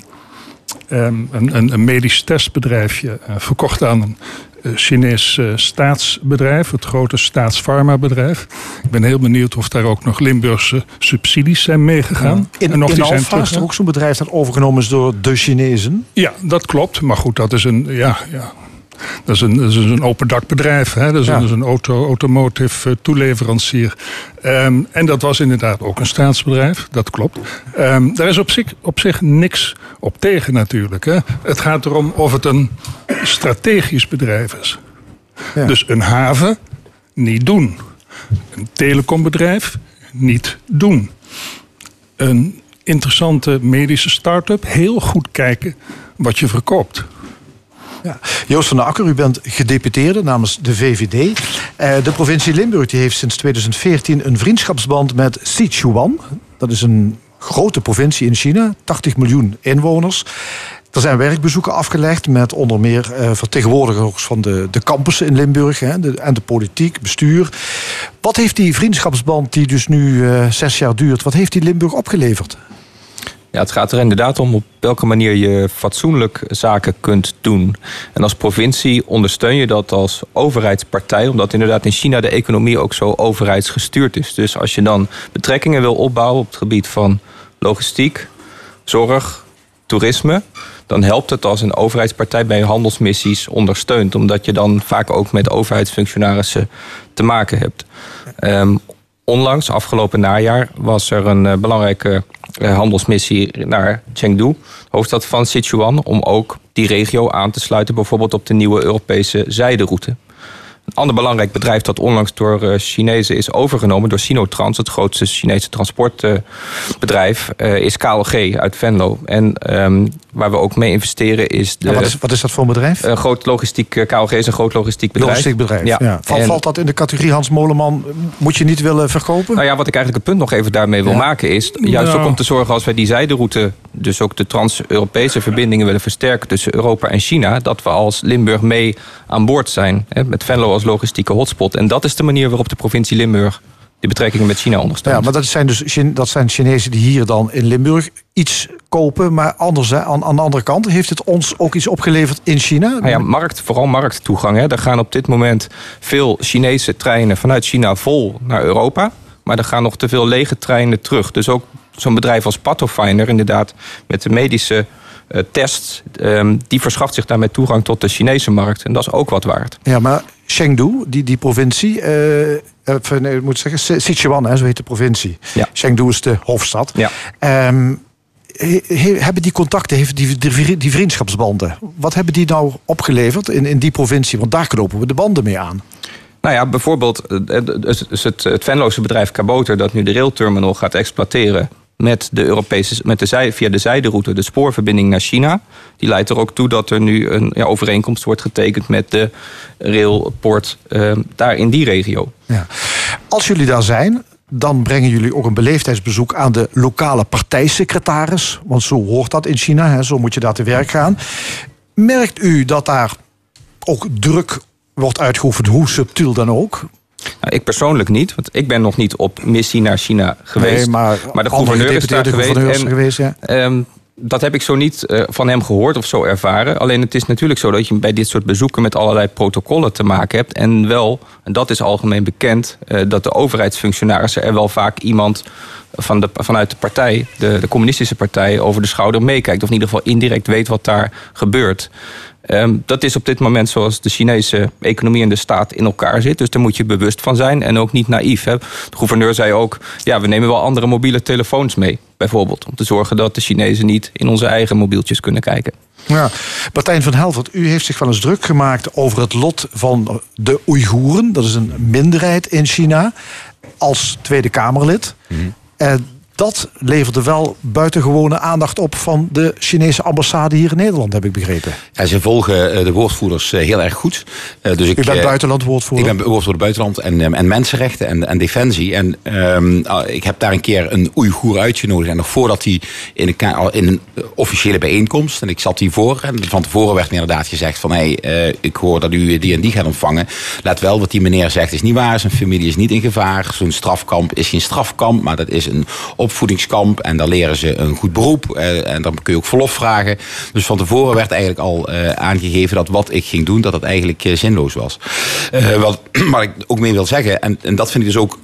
het is logisch dat een provincie en een stad dit soort economische banden aangaat. Ik ben er ook niet op tegen. Ik ben ook niet tegen contact met China. Ik zeg alleen dat wij vanuit de Rijksoverheid en ook misschien zelfs vanuit Europa wel meer moeten nadenken onder welke voorwaarden gaan wij dingen aan. En dat is nou eenmaal voor een provincie of een gemeente vaak niet te overzien. En uh, bij heel veel landen. Maar wat, wij, wat is dat niet te overzien? Uh, nou, omdat het natuurlijk heel. Uh, kijk, als je zo'n band aangaat, dan is bijvoorbeeld in die stad of in die provincie is misschien helemaal niets aan de hand, of weten we het nog helemaal niet. Maar aan de andere kant, die partijsecretaris, het is van dezelfde partij die die 1 miljoen Oeigoeren wel gewoon vastzet. Hè? Dus gewoon het, de vrijheid ontneemt. we hebben heel veel geprotesteerd voor Black Lives Matter. Hè? Eén meneer die op verschrikkelijke wijze om het leven kwam door politiegeweld. En diezelfde week zijn er 300 Oeigoeren opgehangen. Dus China China. Maar als je de Chinese president komt, nou, dan wordt hij met vlaggetjes uh, ontvangen in, in Den Haag. Uh, en, maar als we het over Erdogan hebben, wat overigens wel nog steeds een rechtsstaat is, weliswaar met grote vraagtekens. dat, daar hebben we grote vraagtekens bij. Het Confucius Instituut in Sittard, in dat klooster. Ja, wil ik het zo meteen over Fantastisch, maar als dat nou eens een Erdogan-school was geweest... dat was dan ons debat hier aan deze tafel ja. geweest. Als Moleman... Um, ja, ik, je, bent, ik wil je hebt lang in China gewoond. Hè? Ja. Um, wat, wat, wat, verwachten die Chinezen eigenlijk van dit soort vriendschapsrelaties met, nou, met, met Limburg of met gemeenten? In het geval van de provincie Limburg verwachten ze in ieder geval. Sichuan is een provincie die voor uh, bijna de helft uit Tibetaans hoogland uh, bestaat. Um, dus de, uitvloeiers eh, van, van uh, de Himalaya's die lopen door tot, uh, tot in Sichuan. En als je dus twee uur buiten Chengdu bent, dan ga je zo omhoog. Naar een paar duizend meter en dan kom je in Tibetaans gebied. Um, de Chinezen, de partijsecretaris in Chengdu, verwacht dat meneer Van der Akker en meneer Bovens daar niet over beginnen over de, de, de manier waarop de Chinese regering omspringt met Tibetaanse. Uh, ik zal maar zeggen, mensenrechten. Um, nou, wat blijkt? Dat doet de provincie Limburg inderdaad ook niet. Daar zijn ze stil over. Dat is jammer, zeg ik. Um, want um, ja, wij hebben onze eigen Europese normen en waarden. En die mogen wij ook best uh, in het buitenland uh, mogen we die uh, uitventen. Ja, ik hoor Joost van Akker maar, net zeggen van ik heb niks gemerkt. Of wij hebben als college niks gemerkt van enige subtiele. nee, want als je het er niet over hebt, dan heb je er ook geen last van. Ja, Joost van Akker? Nou, als gezegd, ik ben niet bij dat bezoek zelf geweest, dus ik weet niet wat daar informeel gewisseld is. Alleen op het moment bijvoorbeeld dat je samenwerking tussen of uitwisselingsprojecten tussen scholen promoot, of bijvoorbeeld nu de butleropleiding die uh, in de regio Valkenburg-Simpelveld uh, gekomen is, waar, die, waar, dus, waar ook samengewerkt wordt met de Chinezen, kun je wel als je dus daarbij scholt, bijvoorbeeld dingen als uh, niet discrimineren meenemen. Um, het is daarbij ook niet de taak van de provinciale overheid om de diplomatie over mensenrechten aan de orde te stellen. Wij volgen daarin echt het buitenlands beleid van minister Blok en uh, minister Kaag. En uh, sluiten daar gewoon bij aan. Wat ik wel heel goed vind, is dat de Europese Unie, de Europese Commissie, afgelopen week heeft bekendgemaakt dat ze inderdaad de ongebreidelde staatssteun bij Chinese over, overnames in Europa uh, wil gaan inperken. Ook bij aanbestedingsprocedures wil zeggen, als je daar je op een oneerlijke manier op de markt begeeft en eigenlijk met bakken staatssteun Europese partijen van de markt wegblaast, dan wil de Europese Commissie die aanbestedingen of overnames aan banden gaan leggen. Maar Kijk, dat is iets, ja. waar ik me heel goed bij kan vinden. Ja, maar dat is juist de wijze hoe China dat aanvliegt. Want die weten, de provinciale overheid in Nederland heeft niets te zeggen over mensenrechten. Zeker niet buiten nou Nederland. Ja, die wil niks zeggen over. Nee, maar bedoel, ze mogen best. Hè? Ik bedoel, Den Haag zegt niet, het mag nee, niet. Nee, nee, dat is waar.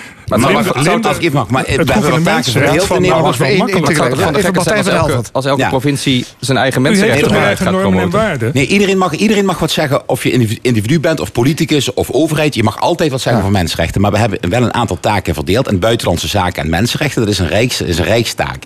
Dus die Chinezen denken, als ik met vooral provincies aan de slag ga met gemeenten, dan heb ik geen commissie buitenlandse zaken en mensenrechten die die bestuurders daarover aanspreken. En dat klopt. En dat is ook geen fout van de provincie, maar dat is eigenlijk een slim gebruik maken van die, van die Chinezen. En daarom eh, zie je dat ze, en dan heb je Tibet, maar je hebt het ook, we hebben het over Oeigoeren gehad. Je hebt het ook over christenen die daar niet naar de kerk nou ja, mogen. Hongkong, Taiwan, Hongkong, uh, je kunt Taiwan, Falun Gong, ja. orgaanroof. Ja. Nou, het is, het, het is uh, echt bij, eigenlijk bij de beesten af op de wijze hoe de communistische, communistische partij dat doet. En je kunt inderdaad zeggen, we kunnen juist als we daar zijn, daarom ben ik ook voor contact met China, iets als discriminatie op de agenda zetten. Maar weet wel, als ik met mijn collega's, Chinese collega's spreek, die zeggen, wij, ja, het is heel goed dat u dat zegt, maar wij kijken nou eenmaal wat anders tegenaan. En dan is de discussie afgelopen. Ja, en Hans Moleman, het komt de Chinezen goed uit om dan dus met een lagere overheid of met gemeenten, het zijn ook lagere overheden, om daarmee contacten te leggen. Want dan weten ze, die mensenrechten komen niet op tafel. Niet Precies, tafel. Want, want meneer Van der Akker wil er helemaal niet over praten.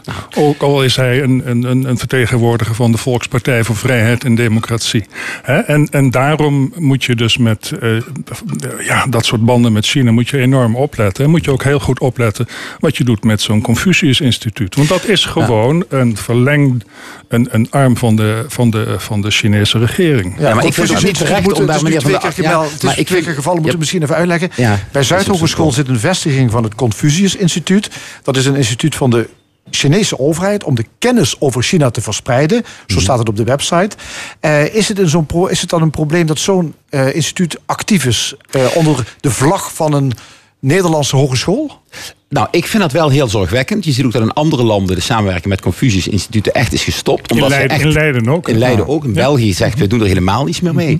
Omdat ze heel actief en bewust ook kennis vergaren. En één op één direct mee willen nemen naar het eigen land. En dat is juist ook vaak strategische kennis waarvan je zegt... willen we die wel direct niet verkopen, maar weggeven aan het buitenland. Ja, Jos van Akker ondersteunt de, gemeen, of de, de provincie het Confucius- Confucius Instituut. De, de provincie heeft eh, indirect de, het Confucius Instituut in Maastricht eh, ondersteund. Ehm, ik vind het overigens heel goed dat de Rijksoverheid, het ministerie van Buitenlandse Zaken en ook de Tweede Kamer daar gewoon kijkt van mag Ja. dat wat daar gebeurt of niet. En ook daarop ingrijpt als dat eh, niet goed gaat. Ehm, wat de heer Moleman net zei van of ik persoonlijk of namens de VVD zaken al aan de orde zou stellen in China, is niet de vraag of je dat doet, en of, maar eigenlijk meer of dat zin heeft. En dat je ook niet in situaties terechtkomt als Limburg waarschuwt Poetin voor de laatste keer. Net zoals u als journalist dat natuurlijk kunt opschrijven. Alleen de vraag is wat levert dat op? En daarom doen wij ook altijd de zaken samen met het ministerie van Buitenlandse Zaken en ook het, de, de, de, het is te gemak- het is- Het samenwerkingsovereenkomst. is te gemakkelijk wat u zegt. Nee, de samenwerkingsovereenkomst die wij, Ja, die Want wij, u kunt die wij ook namelijk hebben, ook in die uw verhouding, hebben in uw relaties met Chengdu, kunt u zeggen: wij willen in het culturele eh, vlak willen wij eh, bepaalde mensen uitnodigen. Bijvoorbeeld bepaalde kunstenaars. Want het is niet zo dat de Chinezen allemaal de eh, communistische partij geweldig vinden. En daar kun je dus ehm, eh, mee spelen. Dat doet ehm, eh, de provincie niet, dat doet de gemeente Maastricht ook niet. En dat is een gemiste kans. Je loopt dan wel risico's.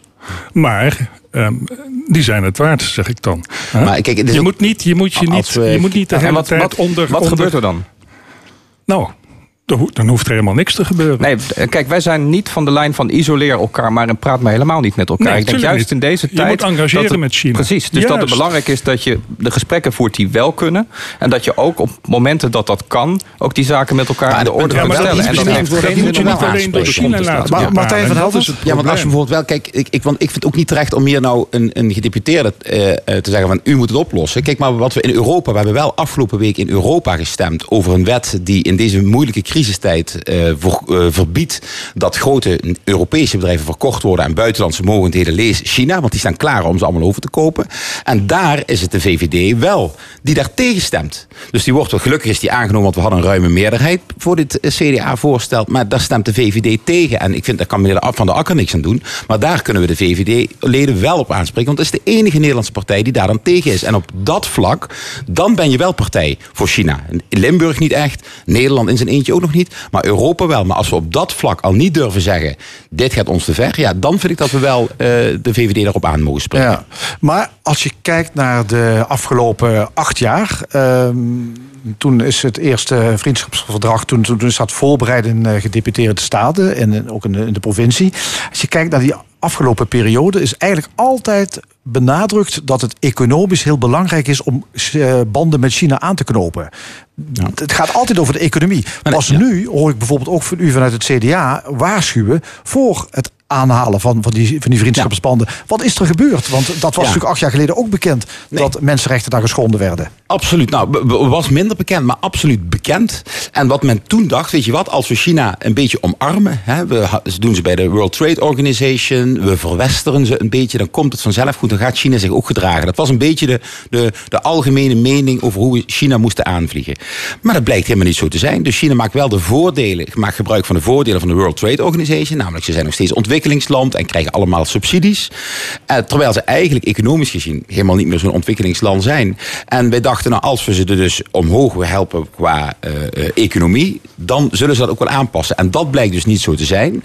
En daarom denk ik, natuurlijk zijn we te laat, zoals de politiek vrijwel altijd wat te laat is in dit soort zaken, zeg ik maar heel eerlijk. Maar eh, het feit dat we te laat zijn, wil niet zeggen dat we dan nu maar niks meer moeten doen. Ja, VVD-gedeputeerde Joost van Akker. Ja, ik vind ook dat we moeten kijken naar wat eh, investeringen met China hebben opgeleverd de afgelopen tijd. Wij exporteren voor ongeveer 600 miljoen per jaar. We importeren voor 1,1 miljard per jaar. We hebben ongeveer 30 Chinese bedrijven die actief zijn. En laten we nu juist in de tijd dat landen alleen maar handelsoorlogen met elkaar willen uitvechten. en de betrekkingen met Amerika een stuk minder worden. ook kijken wat we wel met elkaar kunnen bereiken. Want we hebben gezien de afgelopen jaren met, of weken met het afsluiten van grenzen. is e- economisch ook de afgelopen tijd iedereen alleen maar slechter geworden. Ja, Hans ja, Maar je moet opletten dat je niet steeds door die Chinese hoepel uh, springt. Uh, terwijl je zelf uh, niks te zeggen hebt. Ja. En we zijn heel dubbel. Want als we aan een land niks kunnen verdienen. dan zijn we echt met z'n allen klaar om iemand te veroordelen. en zeggen daar doen we niks mee. bijvoorbeeld Assad in Syrië verdienen we helemaal niks aan. Dan zijn we met z'n allen bereid om te zeggen. wat een slechte meneer, doet verschrikkelijke dingen. Is ook zo. En we hebben geen enkele diplomatieke banden. Nou, per dag vermoordt de Chinese overheid echt meer Chinezen dan Assad volgens mij een aantal jaren tegelijk heeft gedaan. Dus, maar daar, omdat we daar geld aan kunnen verdienen, zijn we bereid om minder te spreken over de grote schendingen van mensenrechten op een schaal die zijn weerga in de wereld niet kent. Ja, de democratische rechtsstaat in China die staat uh, ja, onder druk. Hè. Er zijn heel wat voorbeelden genoemd. Die bestaat, bestaat, sorry, die, die rechtsstaat die bestaat daar niet. Maar heeft dat ook, uh, kan dat ook gevolgen hebben voor onze democratische rechtsstaat? Nou ja, kijk, dus die beïnvloeding vanuit China. Als, als, als China, en dat is ook uh, waarom het zo belangrijk is dat er op Europees niveau, maar ook op nationaal en op regionaal niveau alert wordt gereageerd. Um, dat, dat je goed kijkt wat de Chinezen opkopen en waar ze hun invloed uitbreiden.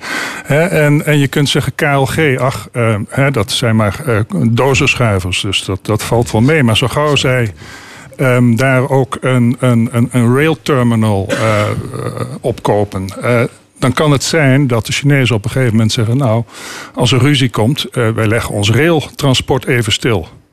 Wat zit er in die containers? Misschien wel iets wat hier nodig nou is. Ik noem maar op, mondkapjes. Het is, daarom juist en dan zeggen ze niet natuurlijk van dat komt omdat u zo lelijk tegen ons doet. Nee, dan zeggen ze nee, we hadden technische problemen. Nou, en daar sta je dan met je lege handen. Ja, kan dat, dus, kan dat tot een duur toe leiden dat wij ook politiek misschien uh, een verschuiving zien? Dat we ongemerkt ja. maar ik denk dat conformeren aan Chinese eisen? Daarom, des te belangrijker, daarom is het des te belangrijker dat je juist ook door de samenwerking met, met het Chinese transportbedrijven zoals Sinotrans zorgt dat de lijnen wel via Venlo blijven, blijven lopen. Want als wij ons nu roomser gaan opstellen dan de paus... dan lopen gewoon al die treinen ook om ons heen. En dan heb je überhaupt geen invloed meer. Maar we conformeren ons aan het Chinees beleid. Ik heb een voorbeeld ervan. Trans heeft helemaal niks te zeggen uh, over... als Peking op een gegeven moment zegt van... we leggen de boel stil. Dan kan jij prachtige banden met Sinotrans... maar dan gaat die lijn stil. Want zo werkt het Chinese systeem. Van Helden, u zegt... wij conformeren ons nu al aan Chinese Kijk, in de, in de coronacrisis... Hè, waar we echt weten dat het in China niet goed is gegaan. Hè, daar, terwijl onze minister... Kijk, wij zijn zo afhankelijk van China op een aantal zaken, zoals medicijnen, dat onze minister-president niet anders kan dan heel groot applaudisseren en dankbaar zijn als er duizend mondkapjes uit China worden gebracht. In plaats van dat we zeggen, samen met Amerika, hey, zullen we eens heel kritisch gaan onderzoeken wat er mis is gegaan in China. Dus we voelen ons nu al onder druk gezet. Als de minister-president van China in Den Haag uh, op bezoek komt, dan worden er duizenden studenten ingehuurd door China met eettentjes dat ze fijn kunnen eten rond de Hofvijver. En daar wordt het Chinese volkslied gezongen. Niks negatiefs over China. Dus we conformeren ons ook eraan omdat er, ik ben ook niet tegen contact met China, want er zit heel veel positiviteit en economische handel met China. Dat snap ik ook. Maar het heeft wel een keerzijde als het gaat om mensenrechten, maar zeker ook de opbouw van macht op het Europese continent, maar ook in de hele wereld. En ook onze vrijheden kunnen dus in gevaar komen op den duur? Op de, zeker, absoluut. Zeer nou zeker. Het is natuurlijk een samenleving die absoluut niet zo georganiseerd zou willen hebben als we dat hier gelukkig hebben gedaan met een vrije democratie. En het voelt gewoon inderdaad, je bent zo weer blij als je het mondkapje weer kunt afzetten, dat je weer vrij kunt ademen. De manier waarop China is georganiseerd, dat is natuurlijk iets wat we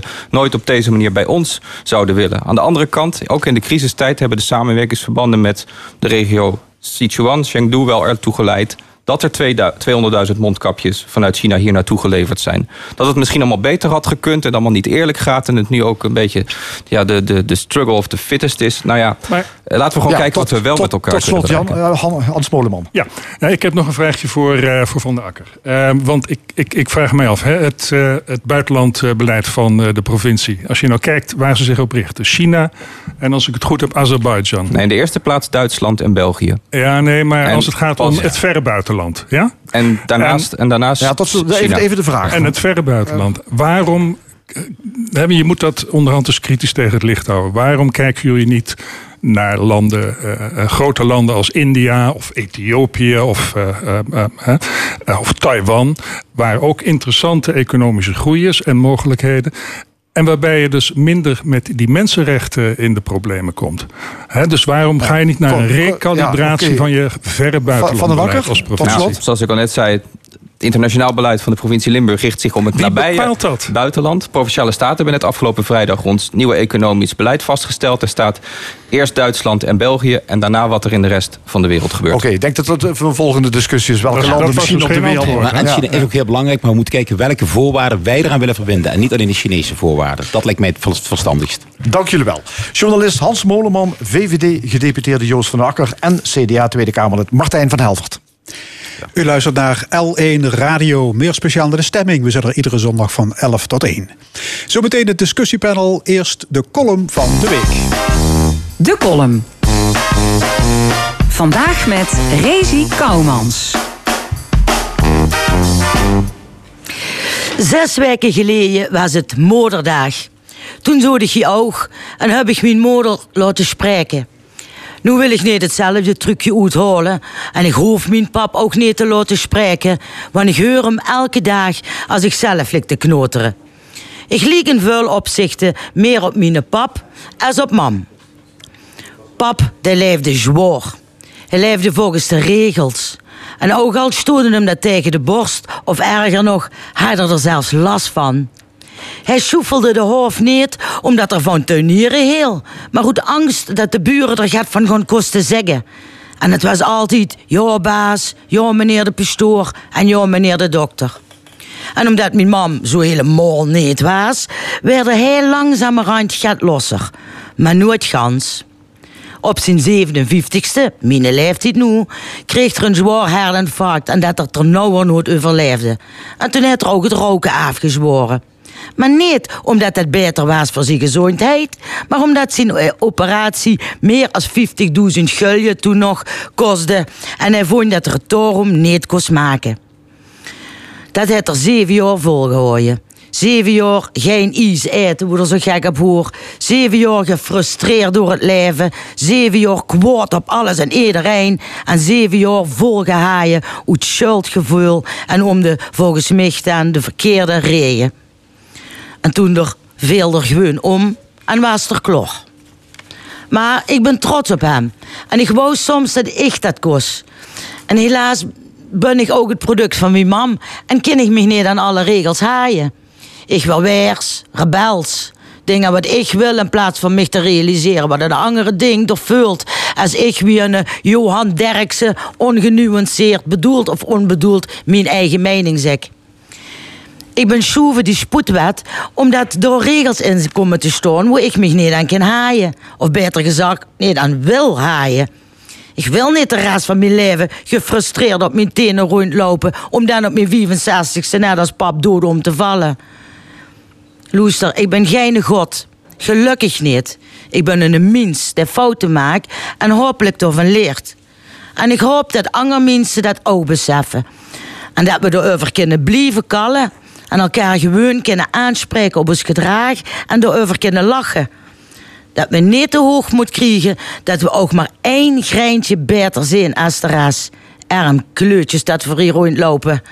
En dat er niks mis met is als ze soms die een hoofd. Niet omdat ze dat zelf leuk vindt, maar omdat het fijner is voor de buren. Het werd een hete zomer, jongens. Laten we in godsnaam de kop keul haaien. De column van Rezi Kouwmans. En hier aan eh, tafel is aangeschoven het discussiepanel. We gaan de actualiteit van eh, de afgelopen week eh, bespreken. Teresa Hoebe, vicevoorzitter van de Rode Vrouwen, communicatie-expert Loek Hustings en ondernemer Cor Bosman. Welkom alle drie. Nog altijd gaan uh, mensen massaal de straat op om te demonstreren tegen racisme. Ook in Limburg waren een paar kleine betogingen. Um, toch heb ik het idee dat het racisme-debat hier nauwelijks van de grond komt. Wat vinden jullie? Ja, misschien heeft het er wel mee te maken dat, naar mijn overtuiging, Limburg de minst gekleurde provincie van Nederland is. Als dat probleem zich daardoor hier ook minder manifesteert, heb je ook minder reden om de straat op te gaan om ergens tegen te demonstreren. Ik denk dat dat gewoon de oorzaak is. Dat wil alleen niet zeggen natuurlijk dat de discussie niet gevoerd moet worden. Want die moet ook in Limburg gevoerd worden. Maar ja, er, is minder reden toe, minder drang. Dat mag misschien lijken, maar ik denk dat dat meer onze perceptie is van de algemene uh, uh, blankgekleurde gemeenschap. Maar dat is natuurlijk niet zo. Hè? Dus ook Limburg. Kijk, ik, ik kijk gewoon naar Limburg. En zeker als ik ook kijk naar ons stemgedrag. Dat een groot deel van bijvoorbeeld de stemmers uh, PVV stemmen. Een bepaalde sfeer en gedachten bij een groot deel van onze gemeenschap leeft. Al dan niet in welke mate dan ook. En ik geloof ook in Limburg dat wij echt heel goed moeten nadenken. De, de, de discussie die nu door heel Nederland, door de hele wereld begint te komen. over de grote verschillen van tussen bepaalde gemeenschappen. dat die gewoon niet goed is. En dat we deze discussie vooral moeten gaan aanswengelen. Maar ik ben ook nog steeds van mening, en daar pleit ik natuurlijk al jaren voor. dat er veel meer diversiteit gaat komen binnen onze overheden en in het bedrijfsleven. En dat de beeldvorming van heel veel groepen gaat gaat veranderen door ze ook in andere posities te plaatsen. Want op het moment dat er een andere beeldvorming ontstaat over bepaalde groepen, en dan kunnen we zeggen wat we willen, maar die is er, dan verandert die. En op het moment dat die verandert, kunnen wij dus ook anders met elkaar omgaan. Cor Bosman, je hebt een PVV-achtergrond. Ja, Terza pleit voor ja, ook discussie in Limburg, ook voor meer diversiteit. Mm -hmm. wat, wat vind jij? Nou, laat ik vooropstellen dat ik uh, tegen iedere vorm van racisme, discriminatie, uh, geweld, whatever ben. Ik uh, beoordeel mensen altijd op wat ze doen. Niet op wie dat ze zijn, waar ze vanaf komen, welke kleur. Interesseert me niet. Ik beoordeel mensen op wat ze doen. Dat even vooropstellend. Dus dat PVV-activisme van jou was een faux pas? Nee, dat was zeker geen foppa. Ik had daar bepaalde uh, idealen of uh, idealistische gedachten bij. Maar dat is nu even niet de discussie. Daar wil ik wel graag een keer een hele uitzending aan wijden.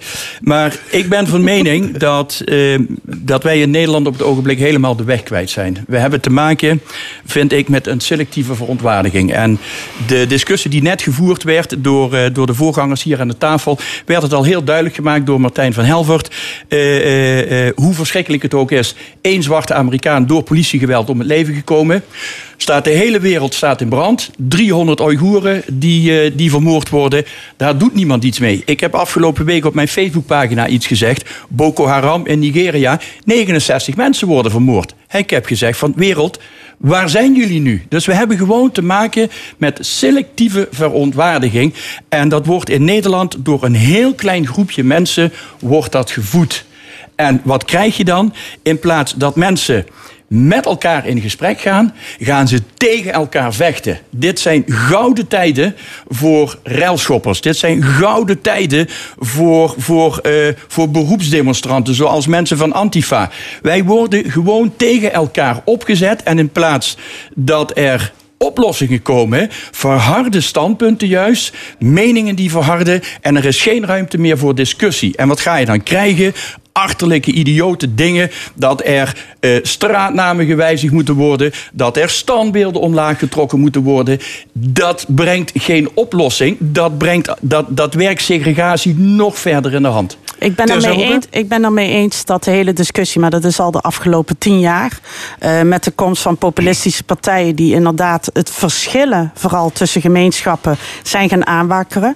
Uh, dus ik ben eens dat de discussie is gekaapt door aan de zijkanten. Dus echt aan de zijkanten wordt de discussie gevoerd van rechts zwart, rechts blank. En niet waar het echt werkelijk over moet gaan. Hè. Het gaat niet tussen de discussie tussen zwart en wit. Het, het gaat moet gaan over, over institutioneel racisme. Precies, daar moet de discussie en... over gaan. En laten we eerlijk zijn, het gaat niet om die ene zwarte man die vermoord is twee weken geleden. Nee. Het gaat om miljoenen zwarte ja, mannen en vrouwen. Dis discriminatie komt vaak voor. Het komt je krijgt zeker geen voor. baan, Kijk, je komt moeilijk aan een woning. Ja. De politie doet aan etnisch profileren, nou ja, ik merk, dat soort dingen. Ik merk het zelf natuurlijk, heb ik het als kind natuurlijk ook meegemaakt. Hè. Kijk, ik heb natuurlijk... Je bent half Antilliaans. Ik ben half Antilliaans. Mijn moeder is gekleurd. De mensen die mij in eerste instantie zien, geloven dat ik Nederlands ben. En behandelen me ook als Nederlander. Ik heb gewoon de enorme verschillen gezien tussen mijn neven en mijn nichten. En ook de behandeling richting mijn moeder ten opzichte van hoe ik behandeld werd.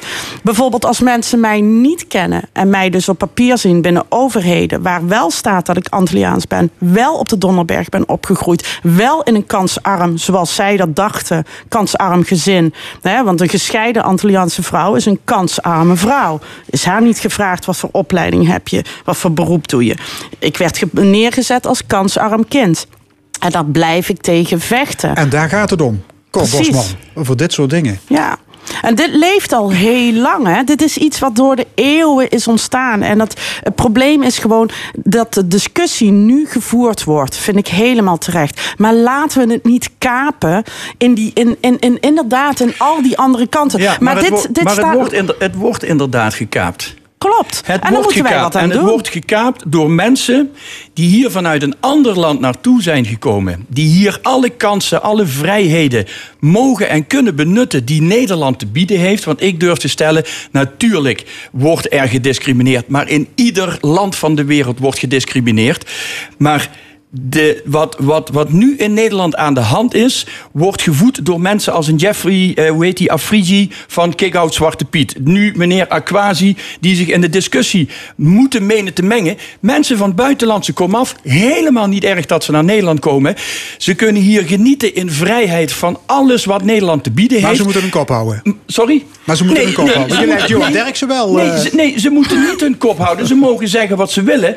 Maar moeten dan mensen waar de voorvaderen Ashanti waren, die bekend staan als de grootste Afrikaanse slavenhandelaren, moeten die hier onze Nederland de maat komen nemen? Dan zeg ik op mijn beurt van verbeter de wereld, begin bij jezelf. Ga eerst terug naar je land van afkomst, naar Ghana. Ga daar voor je voorvaderen de excuses aanbieden en kom dan met die ervaring terug naar Nederland, als je überhaupt nog leeft. Ik wil heel even een kleine correctie. Mijn moeder komt niet van een ander land. Ze kwam van Nederlands Ik heb het niet over jouw moeder. Nee. Ik heb het over. Ik nee, heb nee, het over. Nee, Zij ik hoort heb het ook over. bij deze groep. Dat zijn ook Nee, de aquasies. Dat zijn ook. Dit zijn de groepen. Dit zijn Nederlanders van Nederlands grondgebied, Surinamers, Antillianen. We hebben het over, We hebben het over. Nee, daar hebben we mensen niet met over. een niet-westerse niet migratieachtergrond. Precies. Zo heet nou, dat. en dan zeg ik heel simpel: deze groep die zegt tot hier en niet verder. Ik heb het niet Wij over jouw moeder. Ik heb het over mensen die. Ik ook hier... niet. Ik heb het over die hele groep. Nee, jij begint over jouw moeder. Ik heb het hier heel specifiek over mensen die in Nederland een podium krijgen om iets in gang te zetten. Wat misschien wel aanwezig is, maar niet in die mate als hun ons willen doen geloven. Dat is jouw perceptie. We hebben, nee, het is hun perceptie. Nee. En dit is precies het probleem. Het is perceptie.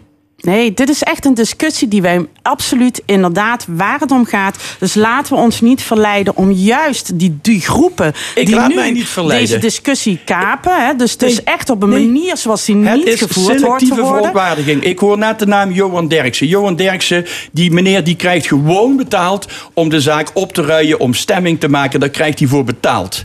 Ja, want een inhoudelijk programma is het niet. Nu maakt die meneer een opmerking.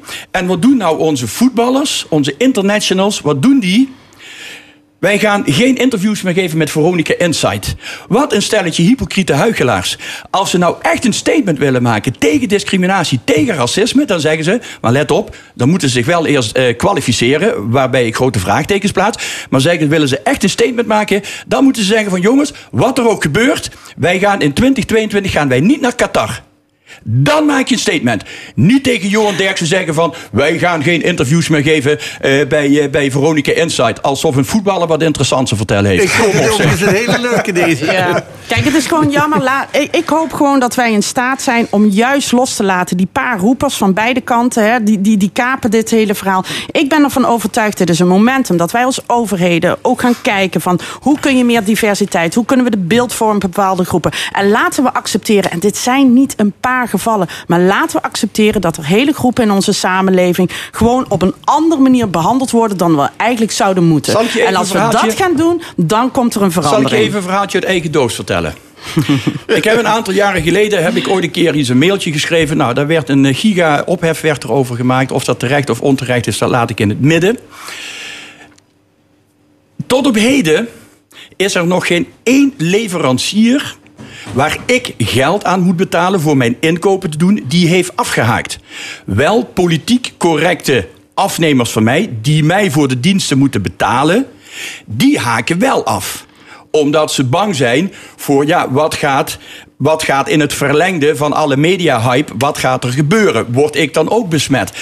Selectieve verontwaardiging hebben wij in Nederland mee te maken. Niet meer en niet minder. Luke Hustings. Nou, ik ik eh, volg deze discussie met hele grote belangstelling die in Nederland woedt.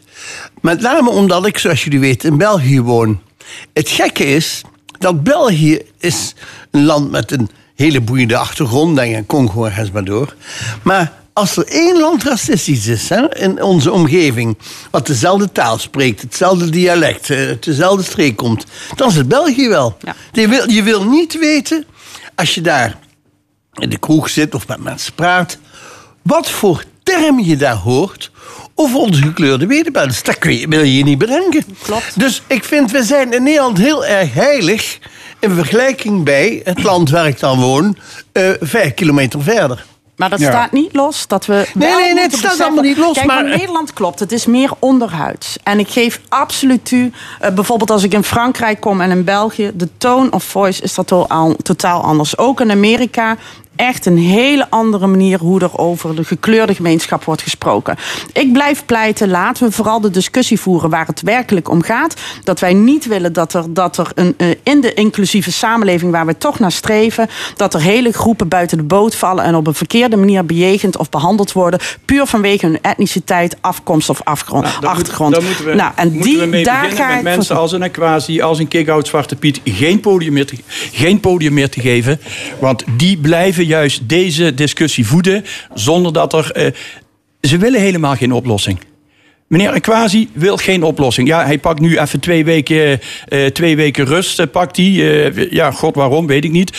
meneer Jeffrey, hoe heet hij? Jeffrey Af Afri met zijn kick-out Zwarte Piet. Ze willen helemaal niet dat er een oplossing komt. Anders zijn ze gewoon niet meer belangrijk. Ze hebben, ik weet niet wat voor motieven, maar ze blijven het aanzwengelen. Ze blijven het gewoon aanzwengelen. Gewoon om te rellen, om te stangen, om partijen tegen elkaar op te zetten. En Goed. zo kun je dat ook van de andere kant kijken. Er dus laten we hiermee stoppen. Ik heb nog... Ik, beeldenstorm aan de gang. Zijn er nog, ja. uh, laat ik zeggen, hoogwaardigheidsbekleders die jullie graag van de sokkel zouden willen trekken? Nou ja, luister, ik ben altijd verbazingwekkend. Vond ik als jong meisje al dat wij Michiel de Ruiter en de Piet Hein natuurlijk zeiden halleluja. Maar als je die in een ander land en een ander contact zet gezet van roofzuchtige uh, binnenhalende mensen. Ik weet niet of die daar een voetstuk hm. hadden gekregen. Ik zou, het, ik zou het heel jammer vinden als uh, al deze monumenten die onze steden kleur geven, dat die zouden verdwijnen. Ja. En natuurlijk, je hebt een aantal mensen erbij waar we nu heel anders naar kijken dan toen bijvoorbeeld in 1850 die beelden werden opgezet. 200 jaar nadat de daden gepleegd waren. Maar ik herinner me, eh, of ik hoorde onlangs eh, een toespraak die eh, bij het uh, standbeeld van Jan Pieterszoon Koen werd gehouden door Torbekke. Oh ja. En dan praten we dus over 1937 of zo dan moet je eens horen hoe zal, die man... zal niet Torbekke zijn geweest in 1937. 100 jaar eerder. Colijn, volgens mij. Colijn, Colijn, juist. Goed zo. Dank u, dank u, dank u. nou, uh, uh, Colijn... Die Historicus, dus, hè? Historicus. Ja, ja. dat blijkt. Uh, die verheerlijkt dus, die, die Koen... Um, op een manier die, um, die hij dan ook nog in verband brengt met zijn godsvruchtigheid. Nou, het is fantastisch, maar zo zie je dat er in verschillende tijden heel verschillend gedacht wordt over dingen. En ik ben er over van één ding overtuigd. Je kunt wel beeld beelden weghalen uit de gemeenschap. Je kunt de geschiedenis daarmee niet uitgummen. Juist. Wat gebeurd is, blijft gebeuren. Nee, maar je Met of zonder uit, beeld. Maar je geeft het de juiste kaders mee. Nou, weet, weet ik niet. Maar, maar ik, ik, ben het, uh, ik ben het met Loek eens van... willen we de geschiedenis veranderen? Laat die beelden alsjeblieft staan. En ik zou het heel jammer vinden als in de uitzending van L1 uh, in 2320... dezelfde vraag gesteld wordt... en dat ze dan zeggen van... nou, dat standbeeld van Bosman... die moeten we maar omlaag trekken. in, in Hecht heb je trouwens de Louis Beelstraat. Ja. De minister-president uit Remond die in 1947 de koloniale oorlog in Indonesië begon. Ja. Nee, maar blijft. Kijk, en ik vind dat we in alle eerlijkheid gewoon naar onze hele geschiedenis moeten kijken. En laten we eerlijk zijn. Het gaat niet om die beelden die we neerhalen. Het gaat er gewoon dat wij onze jongeren leren dat het niet de gouden tijden voor ons waren. Als Nederland zijn wij enorm rijk geworden in die periode. Maar laten we wel heel duidelijk vertellen hoe we die rijkdom hebben vergaard. En er is niks mis mee. Maar over, over geschiedenis. Tot slot. Jij zegt iets heel interessants voor ons, want eh, Louis Beel die was uh, inderdaad verantwoordelijk dat wij als Nederland uh, onze koloniën weer terug wilden hebben. Laat jullie wel verteld zijn dat na de oorlog dat 60 tot 70 procent van de Nederlands daarvoor waren. En dus, dus precies zoals Luc zegt, ieder moment in de geschiedenis heeft zijn eigen kenmerken. En of die goed of fout zijn, Maar die hoef je niet later te gaan verheerlijken als blijkt dat het Nee, gewoon maar misdaden verheerlijken waren. is iets anders dan nee, maar, memoreren. nee, maar dan hoef, je ze ook, dan hoef je ze ook niet weg te stoppen. Nee, maar dan mag zo'n beeld een ander plakkaat gaan krijgen. Goed, we gaan, We gaan naar een ander onderwerp. Goh, eh, punt.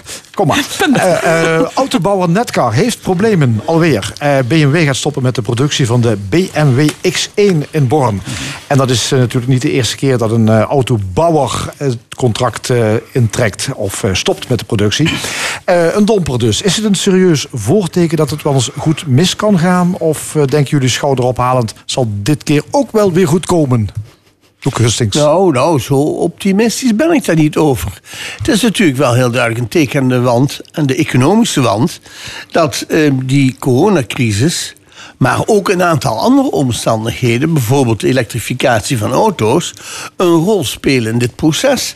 En als nu blijkt dat er, in, dat er geen auto's verkocht worden en dat. ehm, BMW deze auto's niet in Duitsland in hun eigen fabrieken laat produceren, maar in het buitenland laat produceren in een, eh, via een huurcontract, eh, dan kan ik me voorstellen dat ze zeggen: wacht eens even, we zullen eerst die productie terughalen naar onze eigen productieunits.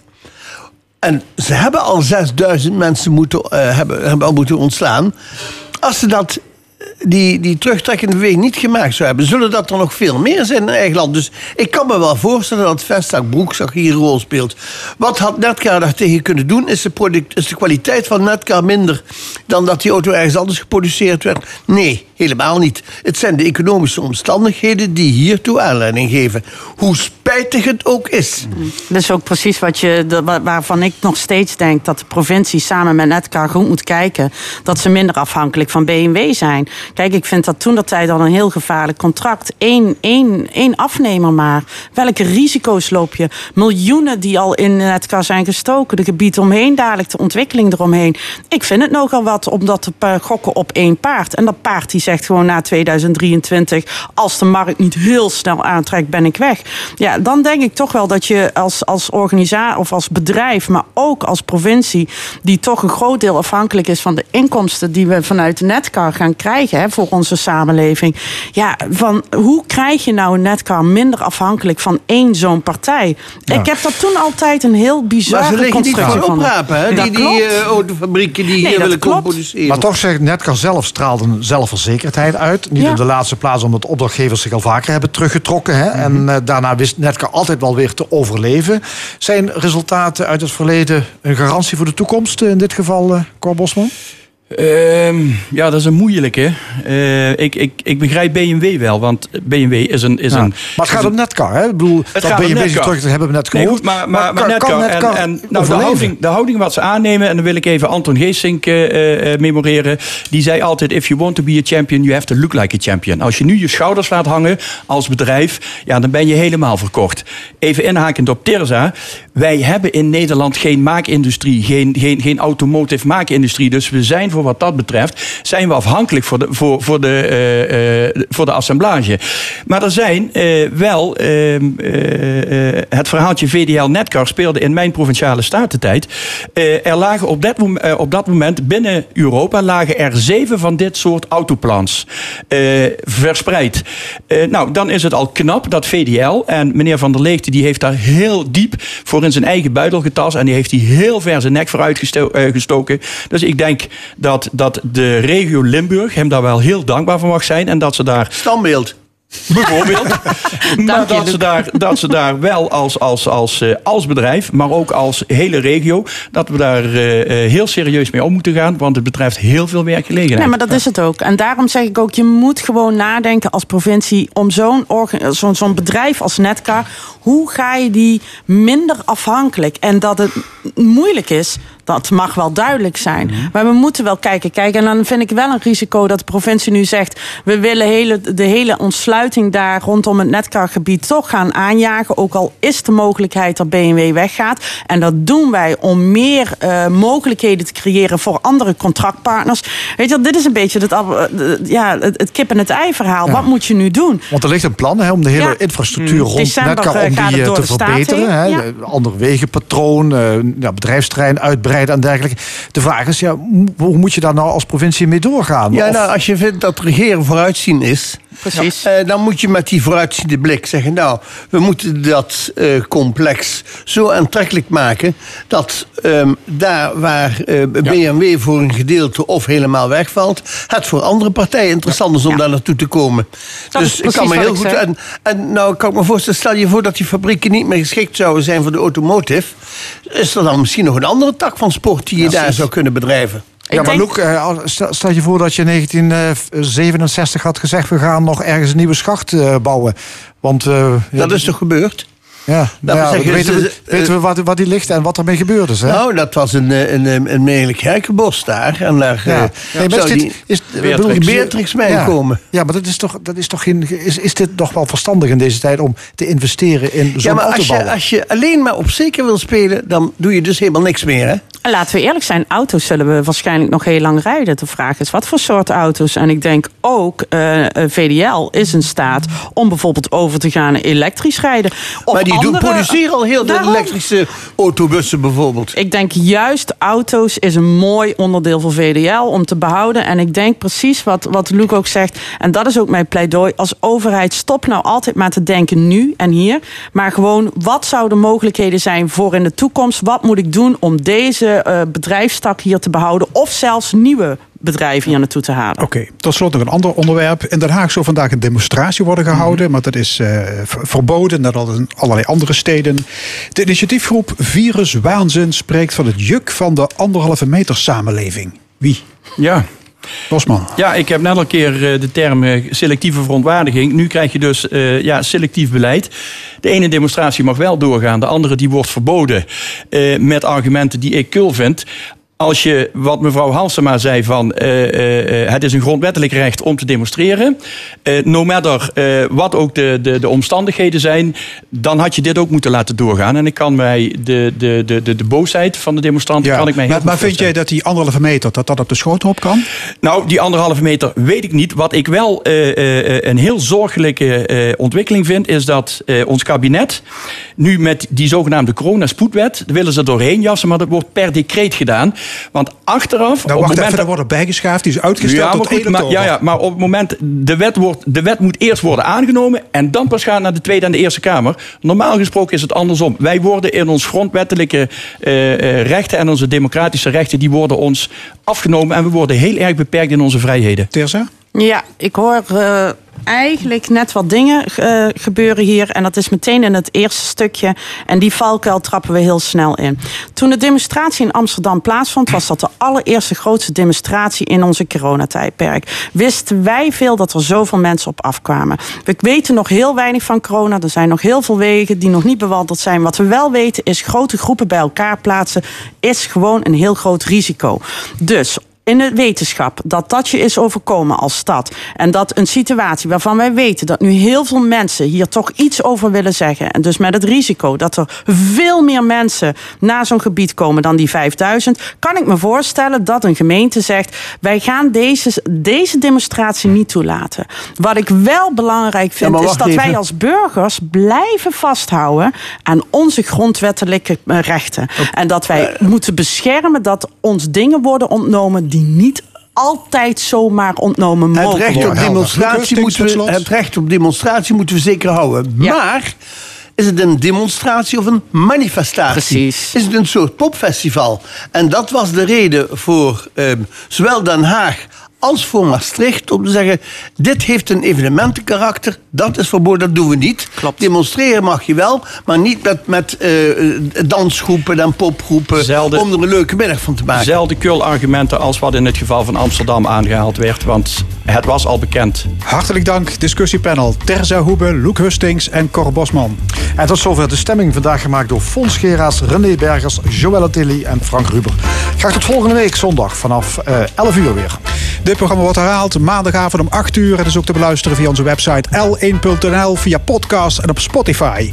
Zometeen op deze zender een 5 uur durende hommage aan Pinkpop onder de noemer Goed smeren, veel drinken. Nog een mooie zondag.